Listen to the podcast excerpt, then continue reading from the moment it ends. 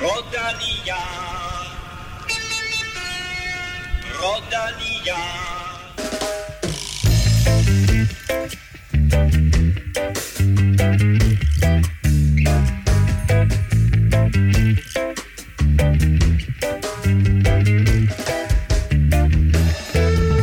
Og denne ugen er i fuld gang. I søndags vandt Tadej Pogacar Amstel Gold Race, og han er også blandt de helt store favoritter i dagens Flæs Vallon. Løbet er i fuld gang, og vi har resultatet til dig lige om lidt.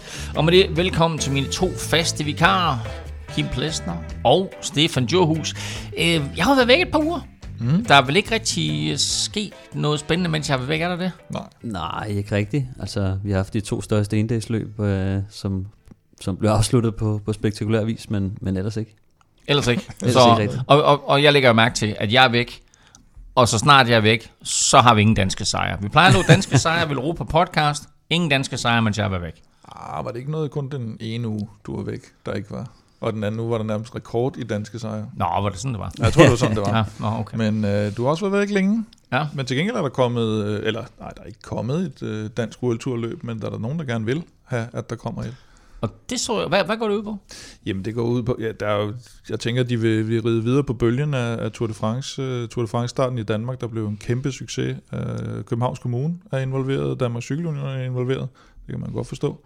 Og, uh, og Wonderful Copenhagen er involveret, så, så uh, som man kan høre her, så handler det jo om København. Og uh, det handler om, så vidt vides, et sprinterløb, som København jo så også lægger lidt op til i det, der Det er svært at arrangere andet. Der er en bakke over Knibbelsbro, hvis det skulle være. Nej, jeg kører Amager rundt. Der er der. Der er viadukten ude ved det- Ja, Lufthavnen. præcis. Så det er det der, men det er 2025, de, de sigter efter, så øh, der går måske Der er lidt tid. der er Men, lidt men tid det at vil arbejde på være, det vil være stort nok at få et, øh, et tilbagevendende øh, World, World Tour løb. Man kunne få det øh, hugget lidt fast i kalenderen, så ville det være, så ville det være rigtig dejligt. Jamen, øh, gode nyheder, spændende nyheder, og så må vi se, hvor den ender, om det bliver et, et sprinterløb, eller vi måske tager nogle af bakkerne ude omkring Holbæk med, øh, lige til at, at fjerne de værste kræfter fra benene, inden en eventuel sprint øh, i midten af København. Super spændende i hvert fald. Øh, vi har en fed udsendelse foran os. Vi skal tale øh, Tour of the Alps, hvor tredje etape øh, nærmer sig sin afslutning. Så kigger vi frem mod årets fjerde monument, Liège Baston Liège, der køres på søndag. Vi taler historie, favoritter og danskere lidt senere. Vi skal naturligvis quizze og have uddelt en kop til en af alle jer dejlige mennesker, der støtter på tier.dk. Uden jer, ingen podcast. Og så har vi jo en ny, super fed præmie til jer. Tak til alle, der har været med i lang tid, og velkommen til en ordentlig stak nye. Rasbo, Jakob, Søren, Tyregod, Mette, Emil, Rasmus, Charvi og Shark One. Chakwa. Shark One. Jeg, læste det som Chacone. Chacone. Det kan også være, det er Chacone. Chacone. Chacone. Og øh, til dig, der sidder derude og endnu ikke er med på 10'er-vognen, så er lige nu et godt tidspunkt at komme med, øh, sådan så vi ikke lige pludselig ender bag en betalingsmur som Podimo eller lignende. Og husk også at besøge vores shop, hvor vi har introduceret månedens t-shirt i denne måned.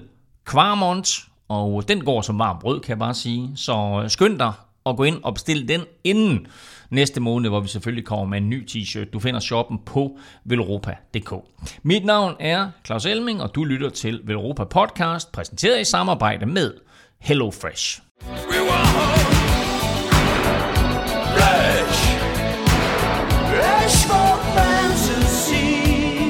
Ja, måske genkendte du Billy Idol her med sin hyldest til Flash Vallon. uh, små 195 km skulle rytterne ud på i dag, da det øh, traditionsrige Flash Vallon skulle køres. Et løb, der altid afgøres til allersidst, når feltet rammer muren i byen Wii for tredje og sidste gang. Lige så godt øh, afslørte man det samme. Favoritten vandt, men vi fik også en dansker på anden pladsen. Mere om det lige om lidt. For øh, Kim, lad os lige øh, snakke om den der muren i Wii der. Øh, den skal passeres tre gange, og det er vel gjort for at gøre det her løb mere seværdigt.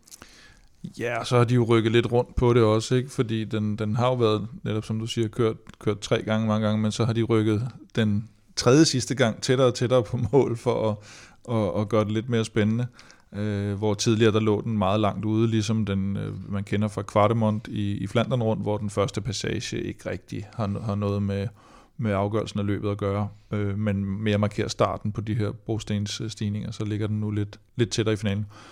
Jeg synes, at selvom de laver de her ændringer Øh, det, det er ikke den eneste ændring, de laver. De lægger også nogle stigninger ind en gang imellem. Øh, det er bare som om, at løbets dynamik ikke bliver ændret af det. Hvor man kan sige, at de lavede flanderen rundt ændringen fra den her øh, finale med, med muren i Geretsbergen og Bosberg, og så et stykke ind til mål, og så til at få de her knaldhårde runder øh, inde ved Kvartemont og Paterberg. Det ændrede fuldstændig løbets dynamik. Så kan man lide det eller ej, men her har der været den her kritik af, det bliver hele tiden afgjort på den sidste stigning. Det gjorde det også i dag. Det kommer det også til at gøre til næste år, medmindre de finder på en eller anden øh, ændring i det. Vi snakker om det sidst med Kavberg i Amsel. Mm. Det er som om, at de sådan lidt stadig holder fast i den her, og den er også spektakulær, den sidste øh, muren inde i Hui. Men det er som om, at det bliver sådan lidt, vi ved godt, hvordan det her løb kommer til at udfolde sig. Men netop det der, og du er lidt inde på det, Kim, øh, altså arrangørerne har jo kæmpet for at finde øh, den helt rigtige løsning for finalen. Faktisk så var målstregen ikke altid på toppen øh, der mm. af muren i Wii. Det er den så nu, og øh, nu skal de op over tre gange, og der er jo et hav af, af mennesker, der står der og kun venter på det, og også synes, at det er fedt. Mm. Øh, men Stefan, altså, det er jo ikke ligesom, øh, de eneste tiltag, som arrangørerne har gjort for at gøre det her løb mere attraktivt, og for at, at eventuelt lave en afslutning, som ikke nødvendigvis betyder, at vinderen skal findes på Møre de Wii. Nej, men altså, som, som Kim også siger, så har de prøvet at, at, at rykke lidt rundt på det, og så på den her runde, de kører, er der jo også to andre øh, cuts. Øh, det er cut, cut de Ref og cut de Giraffe. Undskyld mit franske, men øh, det, det hedder det, de, er- de er også okay. Cut de Ref er ikke så, øh, så slem, altså lidt over 2 km, 5% i snit.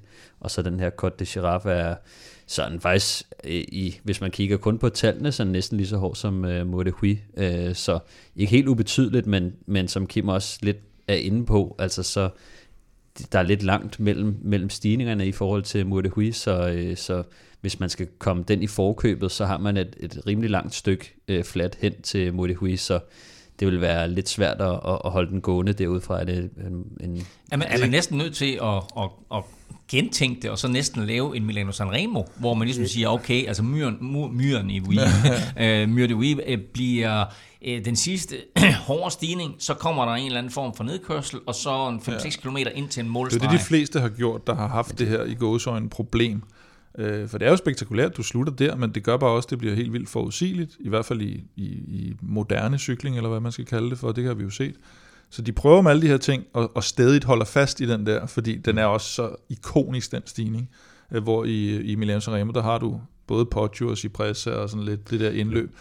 Og, og, men, men det er nok løsningen, det der med at lige få noget øh, nedkørsel og noget, øh, noget indløb til en målstreg, som netop Kavberg i Amstel, Milano Sanremo og så videre. Det, Men man kan Lombard- også sige- Lombardiet slutter sige, heller ikke på toppen. Altså, sige. Fles Vallon er jo muren i Wii. Ja, ja, og, det er og det, det. også, altså, det bliver også kaldt den mest spektakulære målstreg i cykelsport, Ja. og så må vi vel bare acceptere, at Nå, men hey, det, det er der, det bliver Måske afgjort. betaler de også en, en chat penge i, Det- i den by for at få, få lov at man sige, øh, det er sådan, øh, man har nu man har altid talt om det, specielt i øh, Valverde-æraen også, at øh, man skulle prøve at gøre noget, der var mm. ruten så også lidt anderledes, men jeg synes også, når man hørte øh, rytterne, de interviews, man hørte øh, i, i morges, der var det også sådan lidt, at der var mange, der snakkede om at prøve at komme lidt i forkøbet. Altså mm. fordi hvis man bare ventede til Modehui, så, øh, så, så, så var det slut, ikke? Fordi så ville Pogacar være, være for stærk. Til gengæld så så vi også bare et UAE-hold, der var fuldt opsat ja. på at holde den samlet, og, og så måske også gjorde Og de får hjælp af nogle andre hold, som også... Altså, der er jo en del hold, der nu så man Is- Israel i dag. Israel og Øh, Ineos også, den lidt også, tidligere ja. ja. ude, ikke? Så, øh, så jeg vil også sige, de, de, de smider også en, selv en lille smule brænde på bålet i forhold til at køre den frem til, til Modehui. Ja. Det var Men ikke... en, en af dem, der forsøgte sig og kom væk i dag, det var faktisk Søren Krav Andersen, og han holdt den. Det må man sige. Mm-hmm. Øh, han holdt den helt ind til 5 km før målstregen. Øh, gav den et skud. Øh, man bliver så hentet der til sidst, blandt andet fordi der bliver sat tryk på for UAE, men, men øh, altså Søren han virker i kanonform. Det gør han netop, altså, øh, vi, altså det var også sådan, vi snakkede lidt om det her med, at nu kører han jo øh, nu kører han på hold med, med Quinten Hermans, der tidligere har, mm. har lavet et godt resultat i, i Flash, så måske øh, har de, eller undskyld, Ja. uh, Liège, men, øh, men altså han har ikke Matthew van der Poel på holdet, men der er måske nogle andre, der, der har en mulighed på den der stigning, hvor at Søren, øh, altså al ære respekt til hans øh, evner til at køre, køre op ad bakke, så, øh. Ja, nå, men øh, han er måske bare ikke, øh, han er ikke helt klein nok. Altså han er faktisk mm. stadig øh, forholdsvis, øh, ja, han er jo ikke en stor dreng, men han er sådan en mellemdreng, som bare får det svært, fordi vi ofte ser, at det er sådan de små punchers og bjergrytterne, der kæmper om det. Øh, og der tror jeg bare, at han har, han har indset, at øh, podiet den er ikke i, i Men rækken var der. det, øh, var det sådan, hvad skal vi kalde det, et skalkeskjul for, at Alpecin ikke behøvede at føre i feltet så? Nej, fordi de, havde, altså, de har jo ikke nogen store favoritter til, til, til Ej, jeg løbet, tror men jeg tror, det det var deres bedste skud for Ja. ja. at skabe et cykelløb. Mm. Og øh, desværre var der ikke lige så mange, der bakkede op om det og kørte aggressivt på den måde, som, som, øh, som men han gjorde jo sit, og så må man jo bare kigge på den gruppe, man sidder i, og få, prøve at få det bedste ud af det, og han kom ret langt ind i cykelløbet, og viser jo også, at altså, han får kørt fra alle dem i udbrud, så kommer der to mand op til ham, og som han fortsætter med, og øh, jeg synes, han kører godt cykelløb, han gør måske det eneste, han kan gøre i det her cykelløb, mm. hvis han går efter en, en podieplacering. Der skulle være kommet nogle flere op, som øh, jeg tror, det var Louis Favake, der sagde det efter løbet Ja. også. Han var jo den, der holdt længst øh, tid og faktisk til, til, nærmest til foden af, af, af muren. Altså man siger, at der skulle have kommet nogle flere op, og som Stefan Mm. siger, der var flere, der skulle have bakket op om det der, men det er jo nemt at sidde og sige, at man skal bakke op om det, hvis ikke man har, hvis ikke man har nogen kræfter tilbage, når UAE sidder og laver tempo i feltet. De Hvis de, havde, hvis det havde været en øh, 5-6 mand måske derop, så kunne de måske, hvis der var en, der var rigtig frisk, have, have klaret et eller andet. Ikke? de lå længe med, med 15 sekunder, og det forspring blev udbygget til omkring 40 sekunder, øh, og så øh, krydsede feltet øh, de Giraffe for sidste gang, og så ligesom om, så sagde UAE, nå, nu skal vi have hentet dem deroppe foran, og så gik det stærkt. Mm. Øh, og så var der også lidt uenighed i frontgruppen der måske også, fordi hvem var det, du lige sagde, der holdt længst? Louis Favake.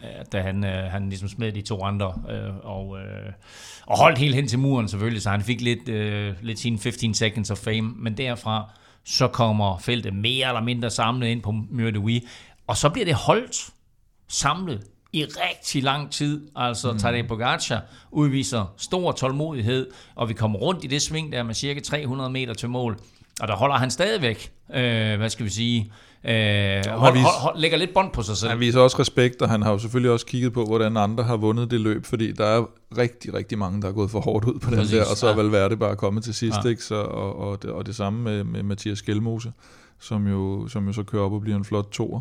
Øh, de, de jeg er i kører, gang med at bygge et, Kim, jeg er i gang med at bygge op til et eller andet her, og så sidder du der og siger, du bliver skilmus en flot toer. Jeg er i gang med at bygge op til noget vildt, ikke? Noget Det er fantastisk, noget spændende. Ja, det er er sindssygt, du kan ødelægge en god stemning det, jeg her. kan, det, jeg kan afsløre for Nå, dig, så det er, os lige- jeg har allerede tweetet det, så folk har læst det.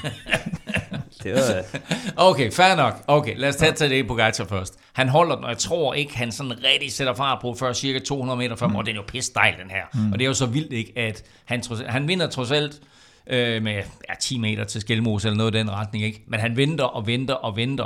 Og det er jo sjovt, fordi Skelmose sagde efter løbet, at det karakteriserer en, jeg tror han kaldte ham a great champion, mm. at han er i stand til at lægge bånd på sig selv.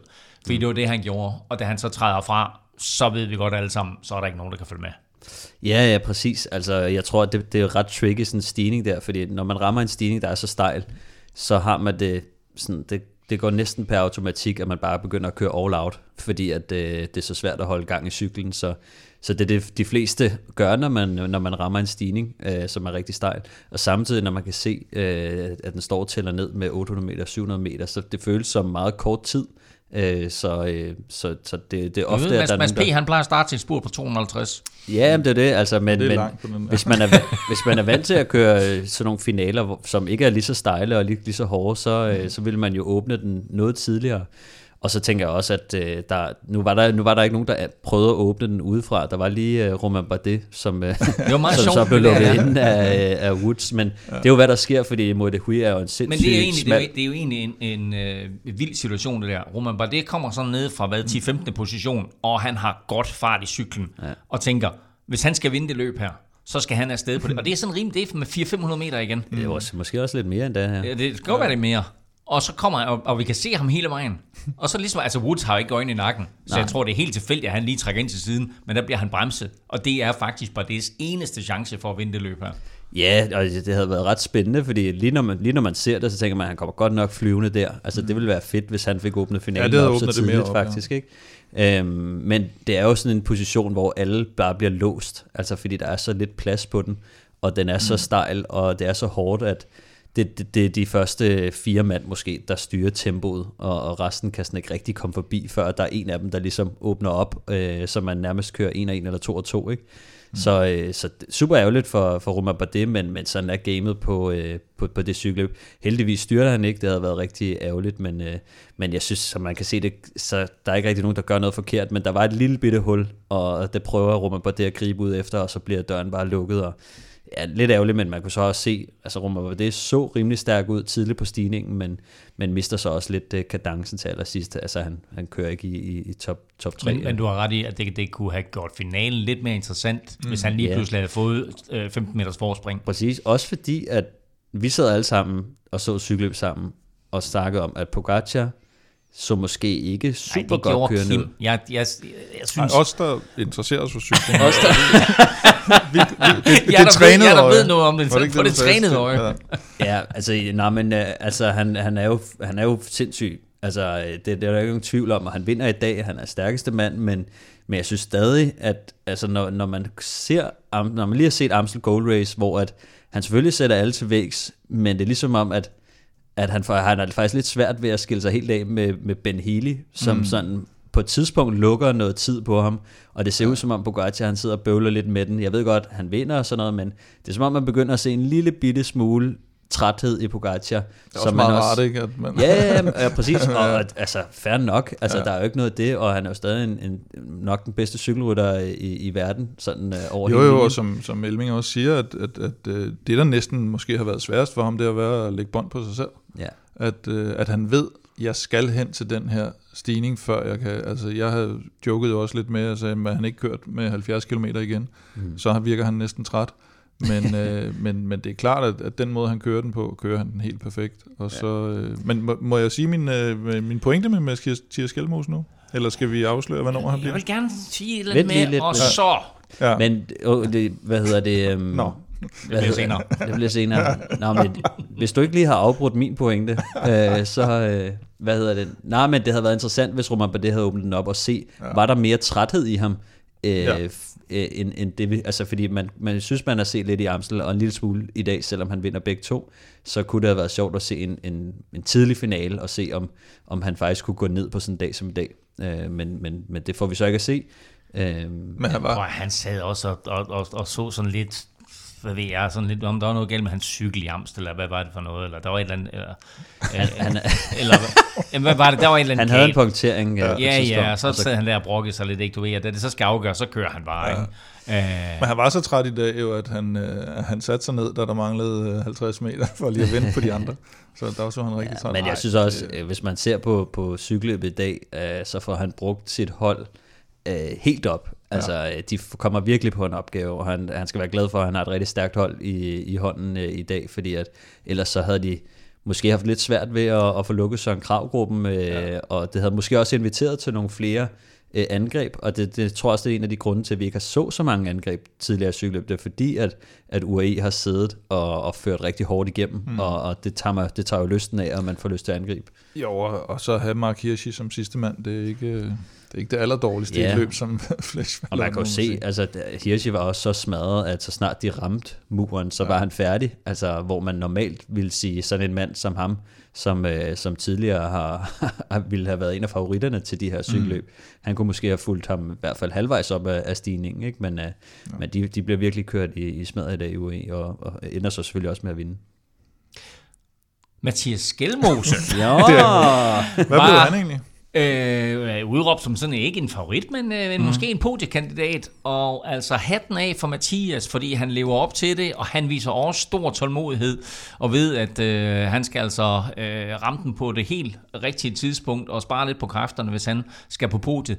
Han bliver toer, og han gør det i fin stil, og øh, kører altså en flot, flot finale. Jeg synes ikke, Søren Krav var i god form. Altså Mathias ser skide godt ud i dag. Ja, han har jo selv sagt også, at han havde store forventninger til, til Ardenner-ugen, og det må man sige, han, han allerede, allerede har fået indfriet. Og min pointe omkring det var jo faktisk den her netop tålmodighed, men også, at jeg synes, man har set det før med ham. Ikke mindst i VM. Altså det her med, at han, han kører som en Gammel, gammel. gavet et eller andet, ja. Nå, men han, han burde være ældre, den måde han kører på, og det, det synes jeg er ret fedt. Altså det der med, at han tør opgive nogle ting, han mm. lader sig ikke lokke med på nogle ting, han holder sig øh, i, i ro i, i Flash Vallon, fordi sådan som han er kørende i dag, altså der er rytter mange cykelrytter i starten af 20'erne, de havde bare blæst ud af. Altså mere end bare det prøvede, inden han blev lukket ind. Så jeg synes bare, man ser en øh, professionalisme, som også står en lille smule kontrast til den måde, vi kendte Mathias på, inden han kom til Trek og blev sådan lidt Kim Andersen skolet, eller hvad han er blevet, ikke? og har ligesom mm. fået den her øh, mere balancerede øh, tilgang til det, som, som, som virkelig klæder ham. For der vil han bare også have været mere fanden i voldsk, ikke? Og sådan, nu, jeg skal bare ud og vinde det hele, og, og køre måske for tidligt. Det er sjovt, fordi han har faktisk, jeg synes aldrig rigtigt, at han har været sådan, Mathias. Altså, øh, som, som jeg kender ham helt fra, da han var en, en, altså en betteknejt, hvor han også kørte stærkt, der har han altid været sådan, sådan helt fanatisk professionel. Altså på den måde, mm. at han, han gjorde virkelig Nå, alt, jamen, det er jeg ikke i tvivl om, men mere i forhold til, til øh, at sætte, hvad skal man sige, at den der med at skrive uh, double world champion i, i sine briller eller sådan noget inden ja, et uh, mesterskab og sådan noget, ikke? Altså, hvor en, en lille smule mere ydmyg tilgang, der gør, at spændingsniveauet, balancen lige bliver den rette. Mm. Og det tror jeg også har noget at gøre med, at så, så, så stikker han ikke af for tidligt, han venter, han tør at lade nogle ting ske ja. og sådan noget. Ikke? Det, det, det, jo, det, jeg det tror jeg helt klart, at han har, han har fået et, en, en mavepuster, øh, hvad hedder det, på... Øh, i, i starten af sin karriere, ikke? Og, og så er han kommet til Trek og virkelig blevet en, en moden rytter. Mm. Jeg tror virkelig, at han er, som du også siger, skolet rigtigt.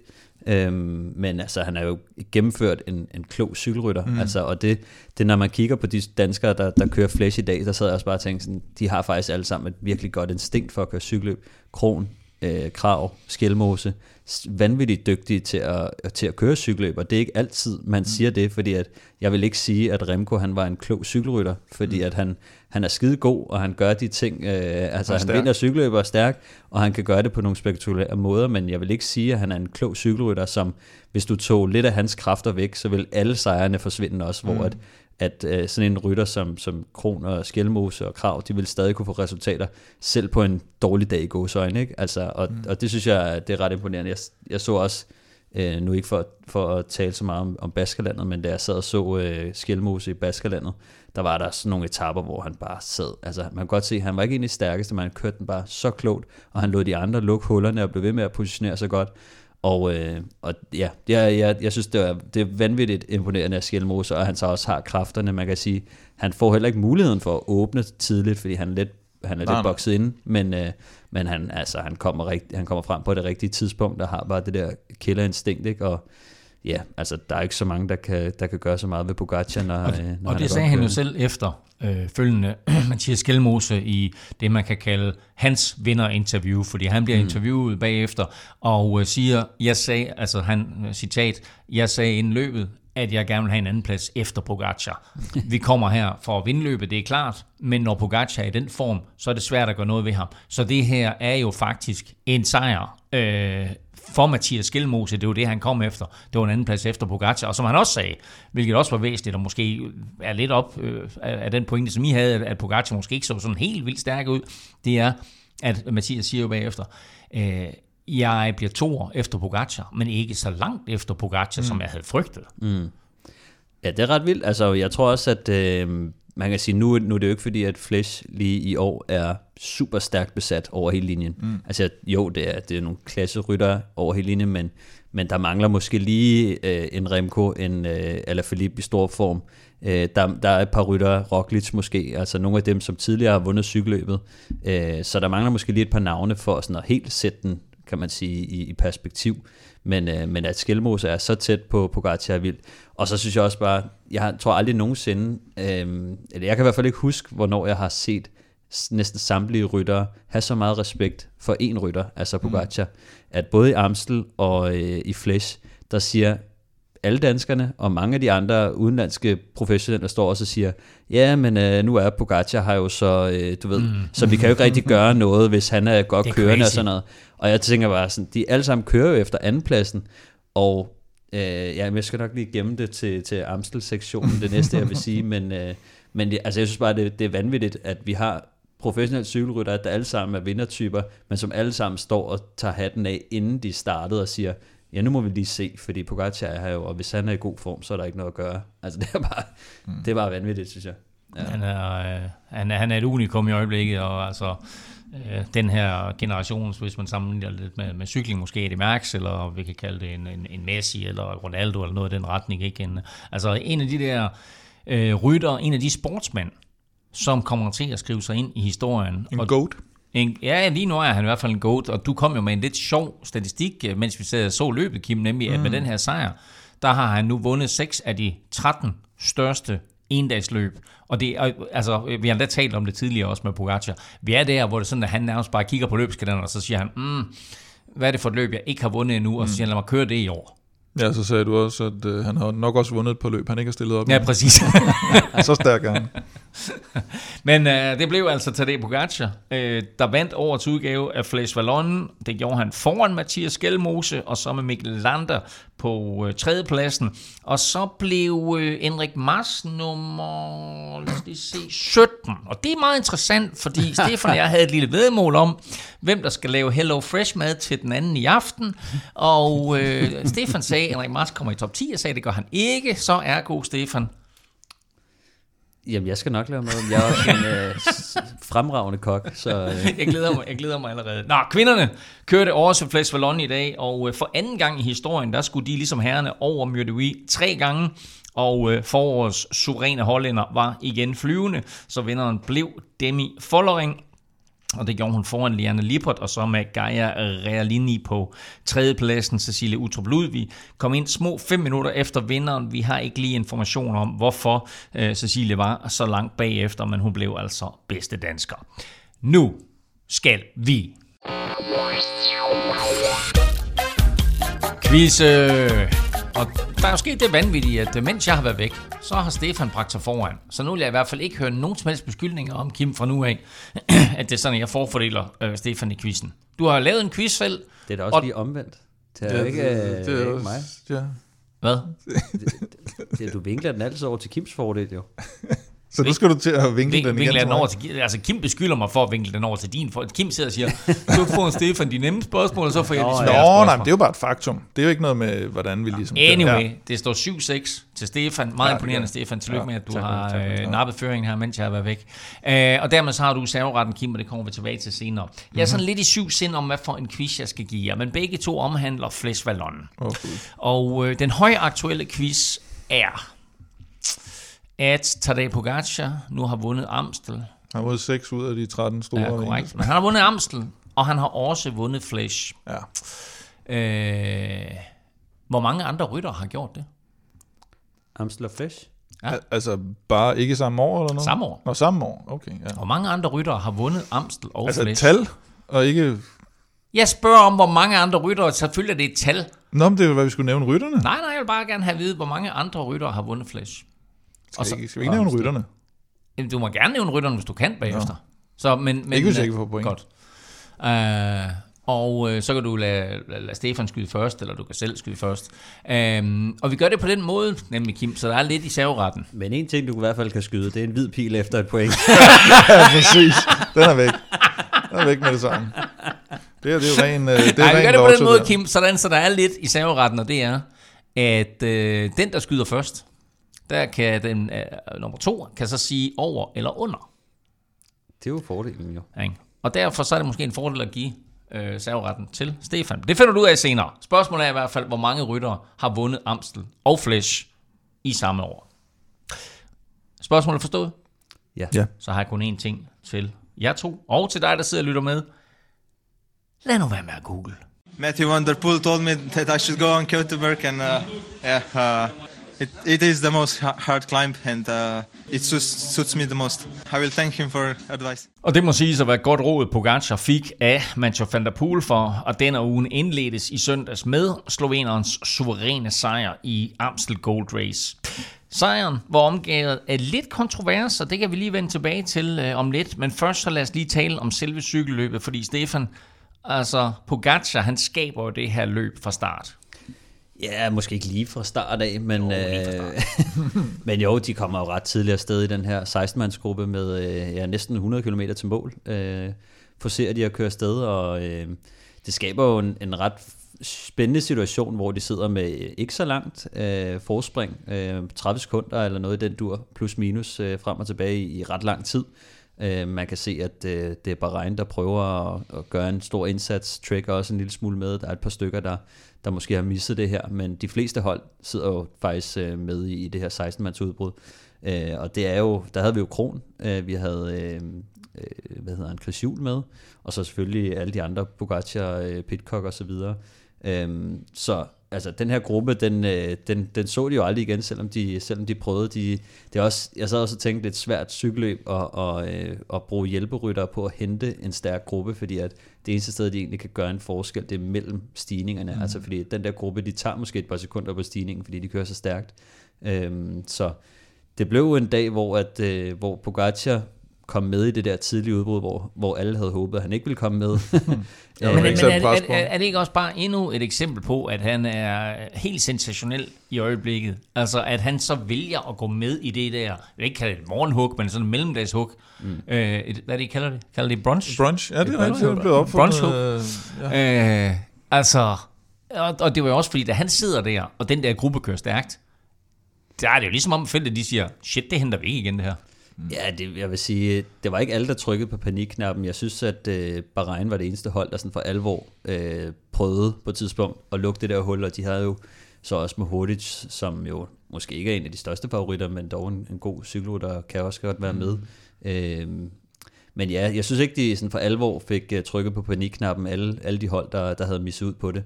Uh, men stolede måske uh, lidt på, uh, til de fleste hold, der havde en mand deroppe, stolede måske bare på, at, at det, var, det var fint nok. Og igen, den der pointe med, at jeg synes, de fleste de alligevel kører efter andenpladsen, fordi vi så gruppen have et fint samarbejde, selvom Pogacar var der, øh, som også viser, at, at de måske kører efter andenpladsen. Altså, øh, fordi at, at nu der er mange, der har kritiseret de andre rytter for at sige, at hvis Pogacar er der, så er det jo svært at slå ham, og skulle man ikke prøve at, at, at stoppe samarbejdet, og så blande kort igen og se, om man kan komme væk med ham, men, men jeg tror, de fleste bare går efter podieplaceringen, altså eller andenpladsen, og det synes jeg var det største tegn på, at, at den her gruppe, de var fint tilfredse og tog føringer. Øhm, Ja, så tror jeg også, at, at i modsætning til Flandern, hvor, han, hvor der jo faktisk kommer nogen på forkant, mm. og hvor han bliver relativt presset alligevel. Det er en suveræn sejr, han får, men han skal godt nok lave et godt stykke arbejde for at få, få indhentet det der, de andre kommer på forkant. Der tror jeg måske også, det vi har snakket om lidt i Flash, at formkurven er ikke på vej opad for ham. Den er måske på vej nedad, så skal han lige ned og vende, inden han skal op til turen igen. Mm. Så hvis han skulle ud og have lavet sådan en aktion igen, med at ligge og jagte nogle virkelig stærke folk foran, det er ikke sikkert, at han havde kunnet. Altså, han er nødt til selv at, Ja. at gå med fra starten. Det er da heldigt for de andre, at han er i dårlig form. Nå, dårlig, dårlig er et, Ja, øh, dårlig er- et, øh, et ord, man kan nuancere lidt, når det gælder ham. Jeg vil også sige, at, altså nu, nu taler vi nogle gange om de der aktioner der. Altså hvis man skal ud og lave sådan en aktion, hvor man kører meget langt udefra og bruger rigtig mange kræfter i et endags cykelløb. Øh, når man så kigger på tallene og den træning, man har, altså hvis man nu har cykelløb hver weekend, eller man har måske også et midt på ugen, øh, så bliver det rigtig svært øh, at nå at komme sig og lige få en lille smule mm. træning ind for at vedligeholde formen. Så hvis man har sådan et cykelløb, hvor man går all out, øh, eller all in, eller hvad man siger, øh, så skal man have relativt meget hvile efter, så man når faktisk ikke at træne så meget, som hvis man nu kører igennem øh, uden at bruge så mange kræfter. Øh, det lyder måske lidt mærkeligt, men man kan godt køre et cykelløb øh, uden at, at gå fuldstændig all out, øh, ud over lige finalen, hvis man er med i den. Øh, så har man også mulighed for måske lige at, at smide en træningsdag eller to ind, hvor man kan få noget kvalitetstræning og lige justere en lille smule. Øh, men ja, altså tilbage til, til cykelløbet, så, øh, så holder de jo fint nok med, og det er det eneste tidspunkt, hvor at gruppen er lige ved, der er jo øh, er det Trentin, og øh, ja, faktisk bare Trentin, der er ved at springe op alene. Der rykker Pogacar så mm. øh, op på, på den her øh, Isar Bosvæg med 36 km igen. Og øh, der kommer han jo så afsted med øh, Ben Healy og, øh, Tom Pitcock. og Tom Pitcock, ja. Mm. Øh, og der er det der, at, øh, at Kron og øh, Lutsenko, de, øh, de sidder Ja, ligger der lige bagved. Ja. og kæmper øh, for at prøve at Og komme op så igen. vildt, det er så vildt at se, fordi man sidder bare og tænker, kom nu op. Ja. Altså, Ja. men, øh, Og den skal virkelig lukke sit snuptag, hvis de nogensinde skal have en chance for at gøre noget igen. Ja, for der, hvor de kommer til at ligge, der ligger de i den position, hvor Pogacar lige kan kigge sig tilbage over skulderen, ja. hver gang de er ved at komme op, og så trykker han lige på gashåndtaget. Og der sker, vel også det, der sker vel også det lidt, at Andreas Kron håber på, at Lutsenko er stærk nok til at lukke hullet, fordi Kron ikke tager sine føringer lige der i starten. Og så bliver der faktisk skabt et hul, og det hul får de aldrig lukket igen. Ja, jeg, altså, jeg ved ikke, om det er Krons skyld. Jeg tror, de havde rigtig, jeg tror, de begge to var helt smadret. Altså, mm. man kunne virkelig se, og det er også derfor, at Lutsenko, han fakter med armene og bliver sur på Kron. Det er, fordi han er helt færdig, og han prøver at gøre, hvad han kan, og, så, og, og Kron, han har måske ikke så meget mere at give. Mm. Øh, så han, at Kronen, han kan jo sige, at jeg kan ikke tage en føring, som går hurtigere end det, du kan føre lige nu. Derfor så må jeg bare blive bagved, og så håber jeg, at du har lyst til at fortsætte din føring, indtil jeg får kræfterne igen. Men det var sådan nogle små punchy føringer, de lavede. De Jeg er ikke at rykkede. Lutsenko han er enig i den vurdering. Det tror jeg, det tror jeg nu egentlig meget godt, men jeg kan godt forstå, at han bliver frustreret. Altså, øh, og han siger jo, at hvis de skulle have været op igen, så skulle Kron have gjort et større stykke arbejde, og når Kron så slår ham på stregen til sidst, så sidder Lutsenko også og tænker, ja, så havde du måske også en lille smule mere, men, men jeg skrev faktisk med, med, med Kron om netop den episode, og han sagde også bare, jamen altså, Lutsenko han kørte så stærkt, at jeg kunne, jeg kunne ikke. Altså, ja, han mm. kunne ikke gå forbi. Øh, men Kron han er ikke typen, der, øh, der, der sådan sidder og fedter med den. Altså han, han giver den, hvad han har, og han ville også have, gerne have været tilbage i finalen der, men, men det kom det jo så desværre ikke. Øhm, Ja, de er næsten ved, det kan vi lige vende tilbage til, men, men finalen ender sådan set med at blive mellem øh, Pogacar, Tom Pitcock og øh, jeg vil kalde ham øh, Jeff Healy, Ben Healy hedder han. øhm, og Pogacar trykker, og først så ryger Healy af, og så sidder han sammen med Pitcock, og Pitcock hænger på, mm. og så trykker han en gang mere, eller også så lægger han bare sådan en konstant tempo Pogacar op ad bakke, og Pitcock falder af. Ja, han falder af på, på Køjtenberg, som jo øh, jeg havde troet ville være et af de afgørende momenter. Det blev det så også, men, men, men de var så ikke så mange øh, tilbage på det tidspunkt. øhm, men ja, han, han sætter dem jo bare, altså der er jo ikke så meget, der er ikke så meget at sige til det. Altså han kørte bare for stærkt til dem og, og trykker på de bakker der og sætter dem bare, øh, havde nær sagt øh, en efter en. Øh, så, øh, så der var ikke så meget at gøre, men jeg synes, det var ret interessant, hvad der skete efter Køjtenberg. Øh, Ja, fordi det er egentlig, altså nu ved jeg ikke, om, om det er det, du er inde på, men jeg lagde mærke til Tom Pitcock i dag i Flash Vallon. Han forsøger at følge med Pogacar, da Pogacar rykker, mm. og eksploderer fuldstændig. Ja. Og det er jo lidt det samme, der sker i Jamstel, at Pitcock mm. tror, at han kan sidde med Pogacar og gøre det for længe, fordi mm. der ender med, at han eksploderer, og så kommer Tom, Tom Healy, han hedder ikke, nej, han hedder Ben, Healy. Ben, så kommer Ben Healy, ja, men Tom eller Jeff Jeff. eller whatever, ikke? Altså, men så kommer Ben Healy op, så kommer Ben Healy op og sidder øh, med Pitcock et stykke tid, og så tænker han, jeg kører sgu da stærkere end det her. Og så sætter han også Pitcock. Ja, altså det, det var, øh, jeg sad og tænkte, at nu har Pitcock, øh, han gik kold i øh, Flandern rundt, hvor han snakker om, at han fik måske ikke helt nok at spise og drikke undervejs. Øh, det var også et stressende og et, og et presset løb, øh, hvor mm. det kan være svært. Øh, og jeg synes, det er lidt det samme, øh, der, øh, der sker i, øh, i Amstel. Øhm, og jeg synes bare, nu har man set det et par gange, hvor han går virkelig kold mod slutningen af et cykelløb. Øhm, og altså det er, det er sådan lidt måske hans øh, akilleshæl lige nu. Altså mm. jeg ved ikke, om det er fordi, han ikke har nået at få nok distancetræning ind, eller om det er bare fordi, han, han har haft svært ved at, at spise og drikke ordentligt. Øh, men, men man kan i hvert fald se, at han går helt ned med fladet til sidst i nogle af de her cykelløb. Altså for mig, eller det jeg sad og tænkte, da jeg så det, det var netop også, hænger han virkelig på endnu? Altså mm. jeg synes, han hang på i rigtig lang tid, så for mig at se, kan det måske også være det der med, at du kører over evne, eller det er det jo altid, når du går ned selvfølgelig, Ja. at du får kørt over evne i for lang tid. Ja. Øh, ligesom da Askren forsøgte at gå med Pogacar på Kvartemont ja. sidste år i Flandern, at du får simpelthen øh, overvurderet dine, for du vil så gerne. Du Ja, ja, ved, det her, det er the winning move. Jeg skal sidde med Men- her. Og så gør du det sådan på, på autopilot, og så finder du lige pludselig ud af, at, at det kan man jo se på den Ja, stigning, hvor det ja, bliver ja. filmet fra siden. Mm. Du kan se, nu går det fra benene, og så går det op i hjernen, og så siger han til sig selv, jeg kan jo ikke det her. Og så siger det bare, buff, så står han stille. Ikke? Og jeg tror også, Tom Pitcock er jo faktisk en ret eksplosiv rytter, og, mm. og man ser det oftere fra eksplosive rytter, at øhm, altså det er jo lidt ligesom, øh, kan man sige, flaskehals, hvor at hvis man har meget power, man er eksplosiv, så kan man bruge sine kræfter rigtig hurtigt, hvor man så kolder stort bagefter, hvor at nogle af dem, som, øh, som for eksempel Ben Healy, som jo, som, som, altså nu vil jeg ikke s- bilde jer ind, at at jeg har kendt ham i, i overvis, øh, men, men han er en type, som også har en rimelig god enkeltstart, hvilket også tyder på, at, at han måske ikke har den samme sådan kraftudladning på, på stigningerne, øh, men derimod øh, En lang motor. en, øh, ja, en, lidt mere en dieselmotor øh, end, end Tom Pitcock, der, der virkelig kan bruge sine kræfter øh,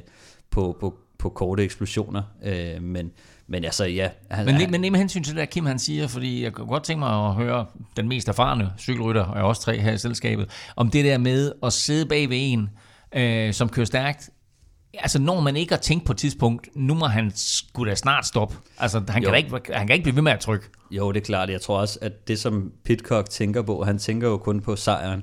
Så altså, han går, altså han graver sig fuldstændig ned øh, på at holde det hjul der. Og når den så ikke, altså han har ikke nogen plan B, det er ikke sådan, at han sidder og tænker, okay, jeg slipper ham lige her, så prøver jeg at hente ham på nedkørselen bagefter eller noget. Der er kun, det, der er kun den plan A, og det er at prøve at holde hjulet, og så må det bære eller briste. Og, øh, og det brister jo så, men normalt set, så vil der jo være for langt ned til de næste, øh, til at han måske kunne trille den ind på en, på en anden plads, men, øh, men Ben Healy, han gjorde det jo Altså, han gjorde det vanvittigt. Han var løbets store overraskelse, mm. ikke? Og, og Nu er han er navn- 22 år gammel, og altså, jeg ved, at du har tjekket lidt op på ham. Ja, netop. Altså, øh, og det er, det er lidt sjovt, fordi at Ben Healy, altså han, altså han er 22 år gammel, og øh, det er ikke sådan, at han er helt ukendt før. Altså han har alligevel leveret nogle, nogle rimelig gode resultater i, øh, i, i ungdomsrækkerne og U23-rækkerne.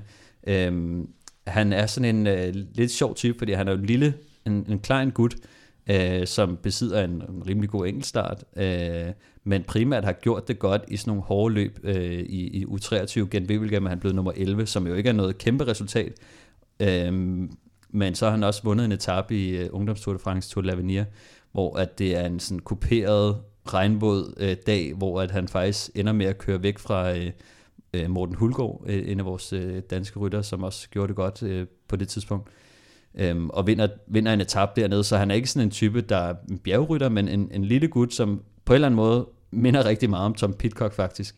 Og øh, lidt sjovt, så har, så har de to jo faktisk også øh, kørt på hold sammen tidligere på øh, øh, Wiggins. Han havde et hold i Storbritannien, som, øh, som egentlig var ret stærkt og havde mange talenter på, og, og efter det lukkede i 2019, så skiftede... Øh, øh, så skiftede de begge to til det her Trinity Racing, som øh, i det første år ikke var et kontinentalhold, men så blev de det året efter. Og så, øh, så smuttede Pitcock jo så til, til Ineos, og, og Ben Healy, han, øh, han rykkede så til, øh, til EF. Så nu, hvor man kan se, at de resultater, han har, han har lavet i år, er jo ret store. Øh, nu ser vi gennembrud med, med andenplads i, øh, i Brabantse Pejl og Amstel rundt, men han har også øh, vundet øh, øh, to rimelig store sejre tidligere i år. Øh, et et cykelløb, der hedder GP Industria i Italien, øh, en relativt stort løb, og så en etape i Coppa i Bartali, så det er, altså det er en mand, som, som virkelig i år, øh, sidste år, som var hans første år på World Tour niveau, der havde han ikke rigtig nogen, øh, nogen resultater, øh, nævneværdigt i hvert fald, så, øh, så men han har ligesom haft det der år til at justere sig ind, og, og så i år er han bare kommet virkelig øh, flyvende. Så fra, fra at vi som har talt lidt om, at, at det var sensationelt, at han blev to år øh, i, i øh, Og det, det Amstel synes jeg stadig, det er, men, Ja. men det er ikke sådan, hvis man kigger på, øh, hvordan han, han har kørt tidligere, altså før Brabantse Pejlos, så har Mm. han også været en rytter, som, som har været stærk kørende, men det er klart, at han lige laver to kæmpe store resultater i, i, i streg her, og virkelig rammer, kan man sige, topformen på det rigtige tidspunkt, og, og overrasker os, fordi at, at, øh, at han faktisk kan være med nogle af de allerbedste. Ikke? Så, øh, så, så, men jeg tror faktisk, at, at vi har en mand, som, øh, som kan være med i de her cykelløb øh, fremadrettet også, fordi han er to- 22 år og, og lige laver sit gennembrud nu. Så, så det, det tror jeg, at han er en stor rytter, øh, vi kommer til at se nu. Andreas Kron styrtede i dag i uh, Flash Vallon, og uh, selvom han kom tilbage til feltet og, og, og lignede en mand, der havde tænkt sig at køre med om sejren, så blev han altså kun nummer 101, og det er, det er sådan, man bliver straffet mm. på Mur de Huy. Til gengæld så kørte han et super flot løb i Amstel, hvor han, øh, som vi lige var inde på, øh, sad sammen med Lutsenko bag de tre forreste, økonomiserede med kræfterne, og det var lige ved at udmønte sig en podieplads, fordi Tom Pitcock gik helt kold, men øh, det blev altså, ligesom Mads P. i, i Flandern rundt, så blev det til en fjerdeplads. Ja, altså... Det, Ja, Roubaix, undskyld. Men øh, ja, altså det der... Pitcock, som øh, vi også sagde før, han går jo helt ned. Han, øh, han kan ikke hænge på Pogacar, han kan ikke hænge på Ben, ben Healy. Og så kan han jo slet ikke finde fart i cyklen, da de kommer ind på de sidste kilometer. Altså det er jo sådan, at han går fuldstændig i stå, og han kigger så over skulderen og kan bare se, at selvom der er gået taktik i Lutsenko og Kron, altså, så kommer de bare tættere på ham øh, rigtig stærkt. Ikke? Og man kan se, at jeg tror, at Lutsenko og Kron har jo nok kørt sådan nogenlunde fint sammen, frem til de begynder at ane den der tredjeplads der. Mm. Så begynder de jo også at tænke, ups, nu kører vi om en podieplacering, så begynder der lige pludselig at gå lidt taktik ind igen. Og, øh, Det er jo super ærgerligt, fordi de sådan, de tre- 300, små 400 sidste meter, ja. jeg, jeg tror godt, de kan hente Pitcock. det, ja, de kunne godt Går lidt opad også, ikke? Men de skulle lige finde ud af, hvem skulle have tredjepladsen, og hvem skulle have fjerdepladsen i så fald, ikke? Og det var de jo ikke helt enige om, så man kan sige, til sidst så ender Kron jo bare med at sige, okay, fuck det, nu, nu prøver jeg at se, om jeg kan lukke den, og øh, han gør det jo faktisk næsten. Altså, øh, Ja, det havde været bedre, hvis, øh, hvis ikke øh, Jeff Healy han havde været der, som du siger. Øh, så, så havde de kørt om anden og tredje pladsen, ikke? så havde de nok kunne bedre havde finde været- ind i, i et samarbejde. Det havde nok været lidt nemmere, ja, tror jeg også. Øhm, og jeg tror, da de kommer ind der og kører spurten, ham og Lutsenko, der er det på ren vilje. Altså, man kan se, at det har også været et super, super hårdt cykelløb. De har været i udbrud i 100 km, og øh, det har regnet, og øh, ja, altså, puha, det var, altså, det var sådan nogle krigere, øh, de to der. Men vi fik altså ikke en dansk vinder, og vi fik ikke en dansk podiumplacering. Men prøv lige at høre det her. Vi får tre danskere i top 10. Altså alle andre nationer har maksimalt en rytter i top 10. Vi har tre. Altså det er sgu da lidt vildt. Ja, det er vildt. Altså, Kron bliver fire, og Skelmose, som, øh, som jo efter planen skulle have kørt for Bauke, så vidt øh, jeg var orienteret.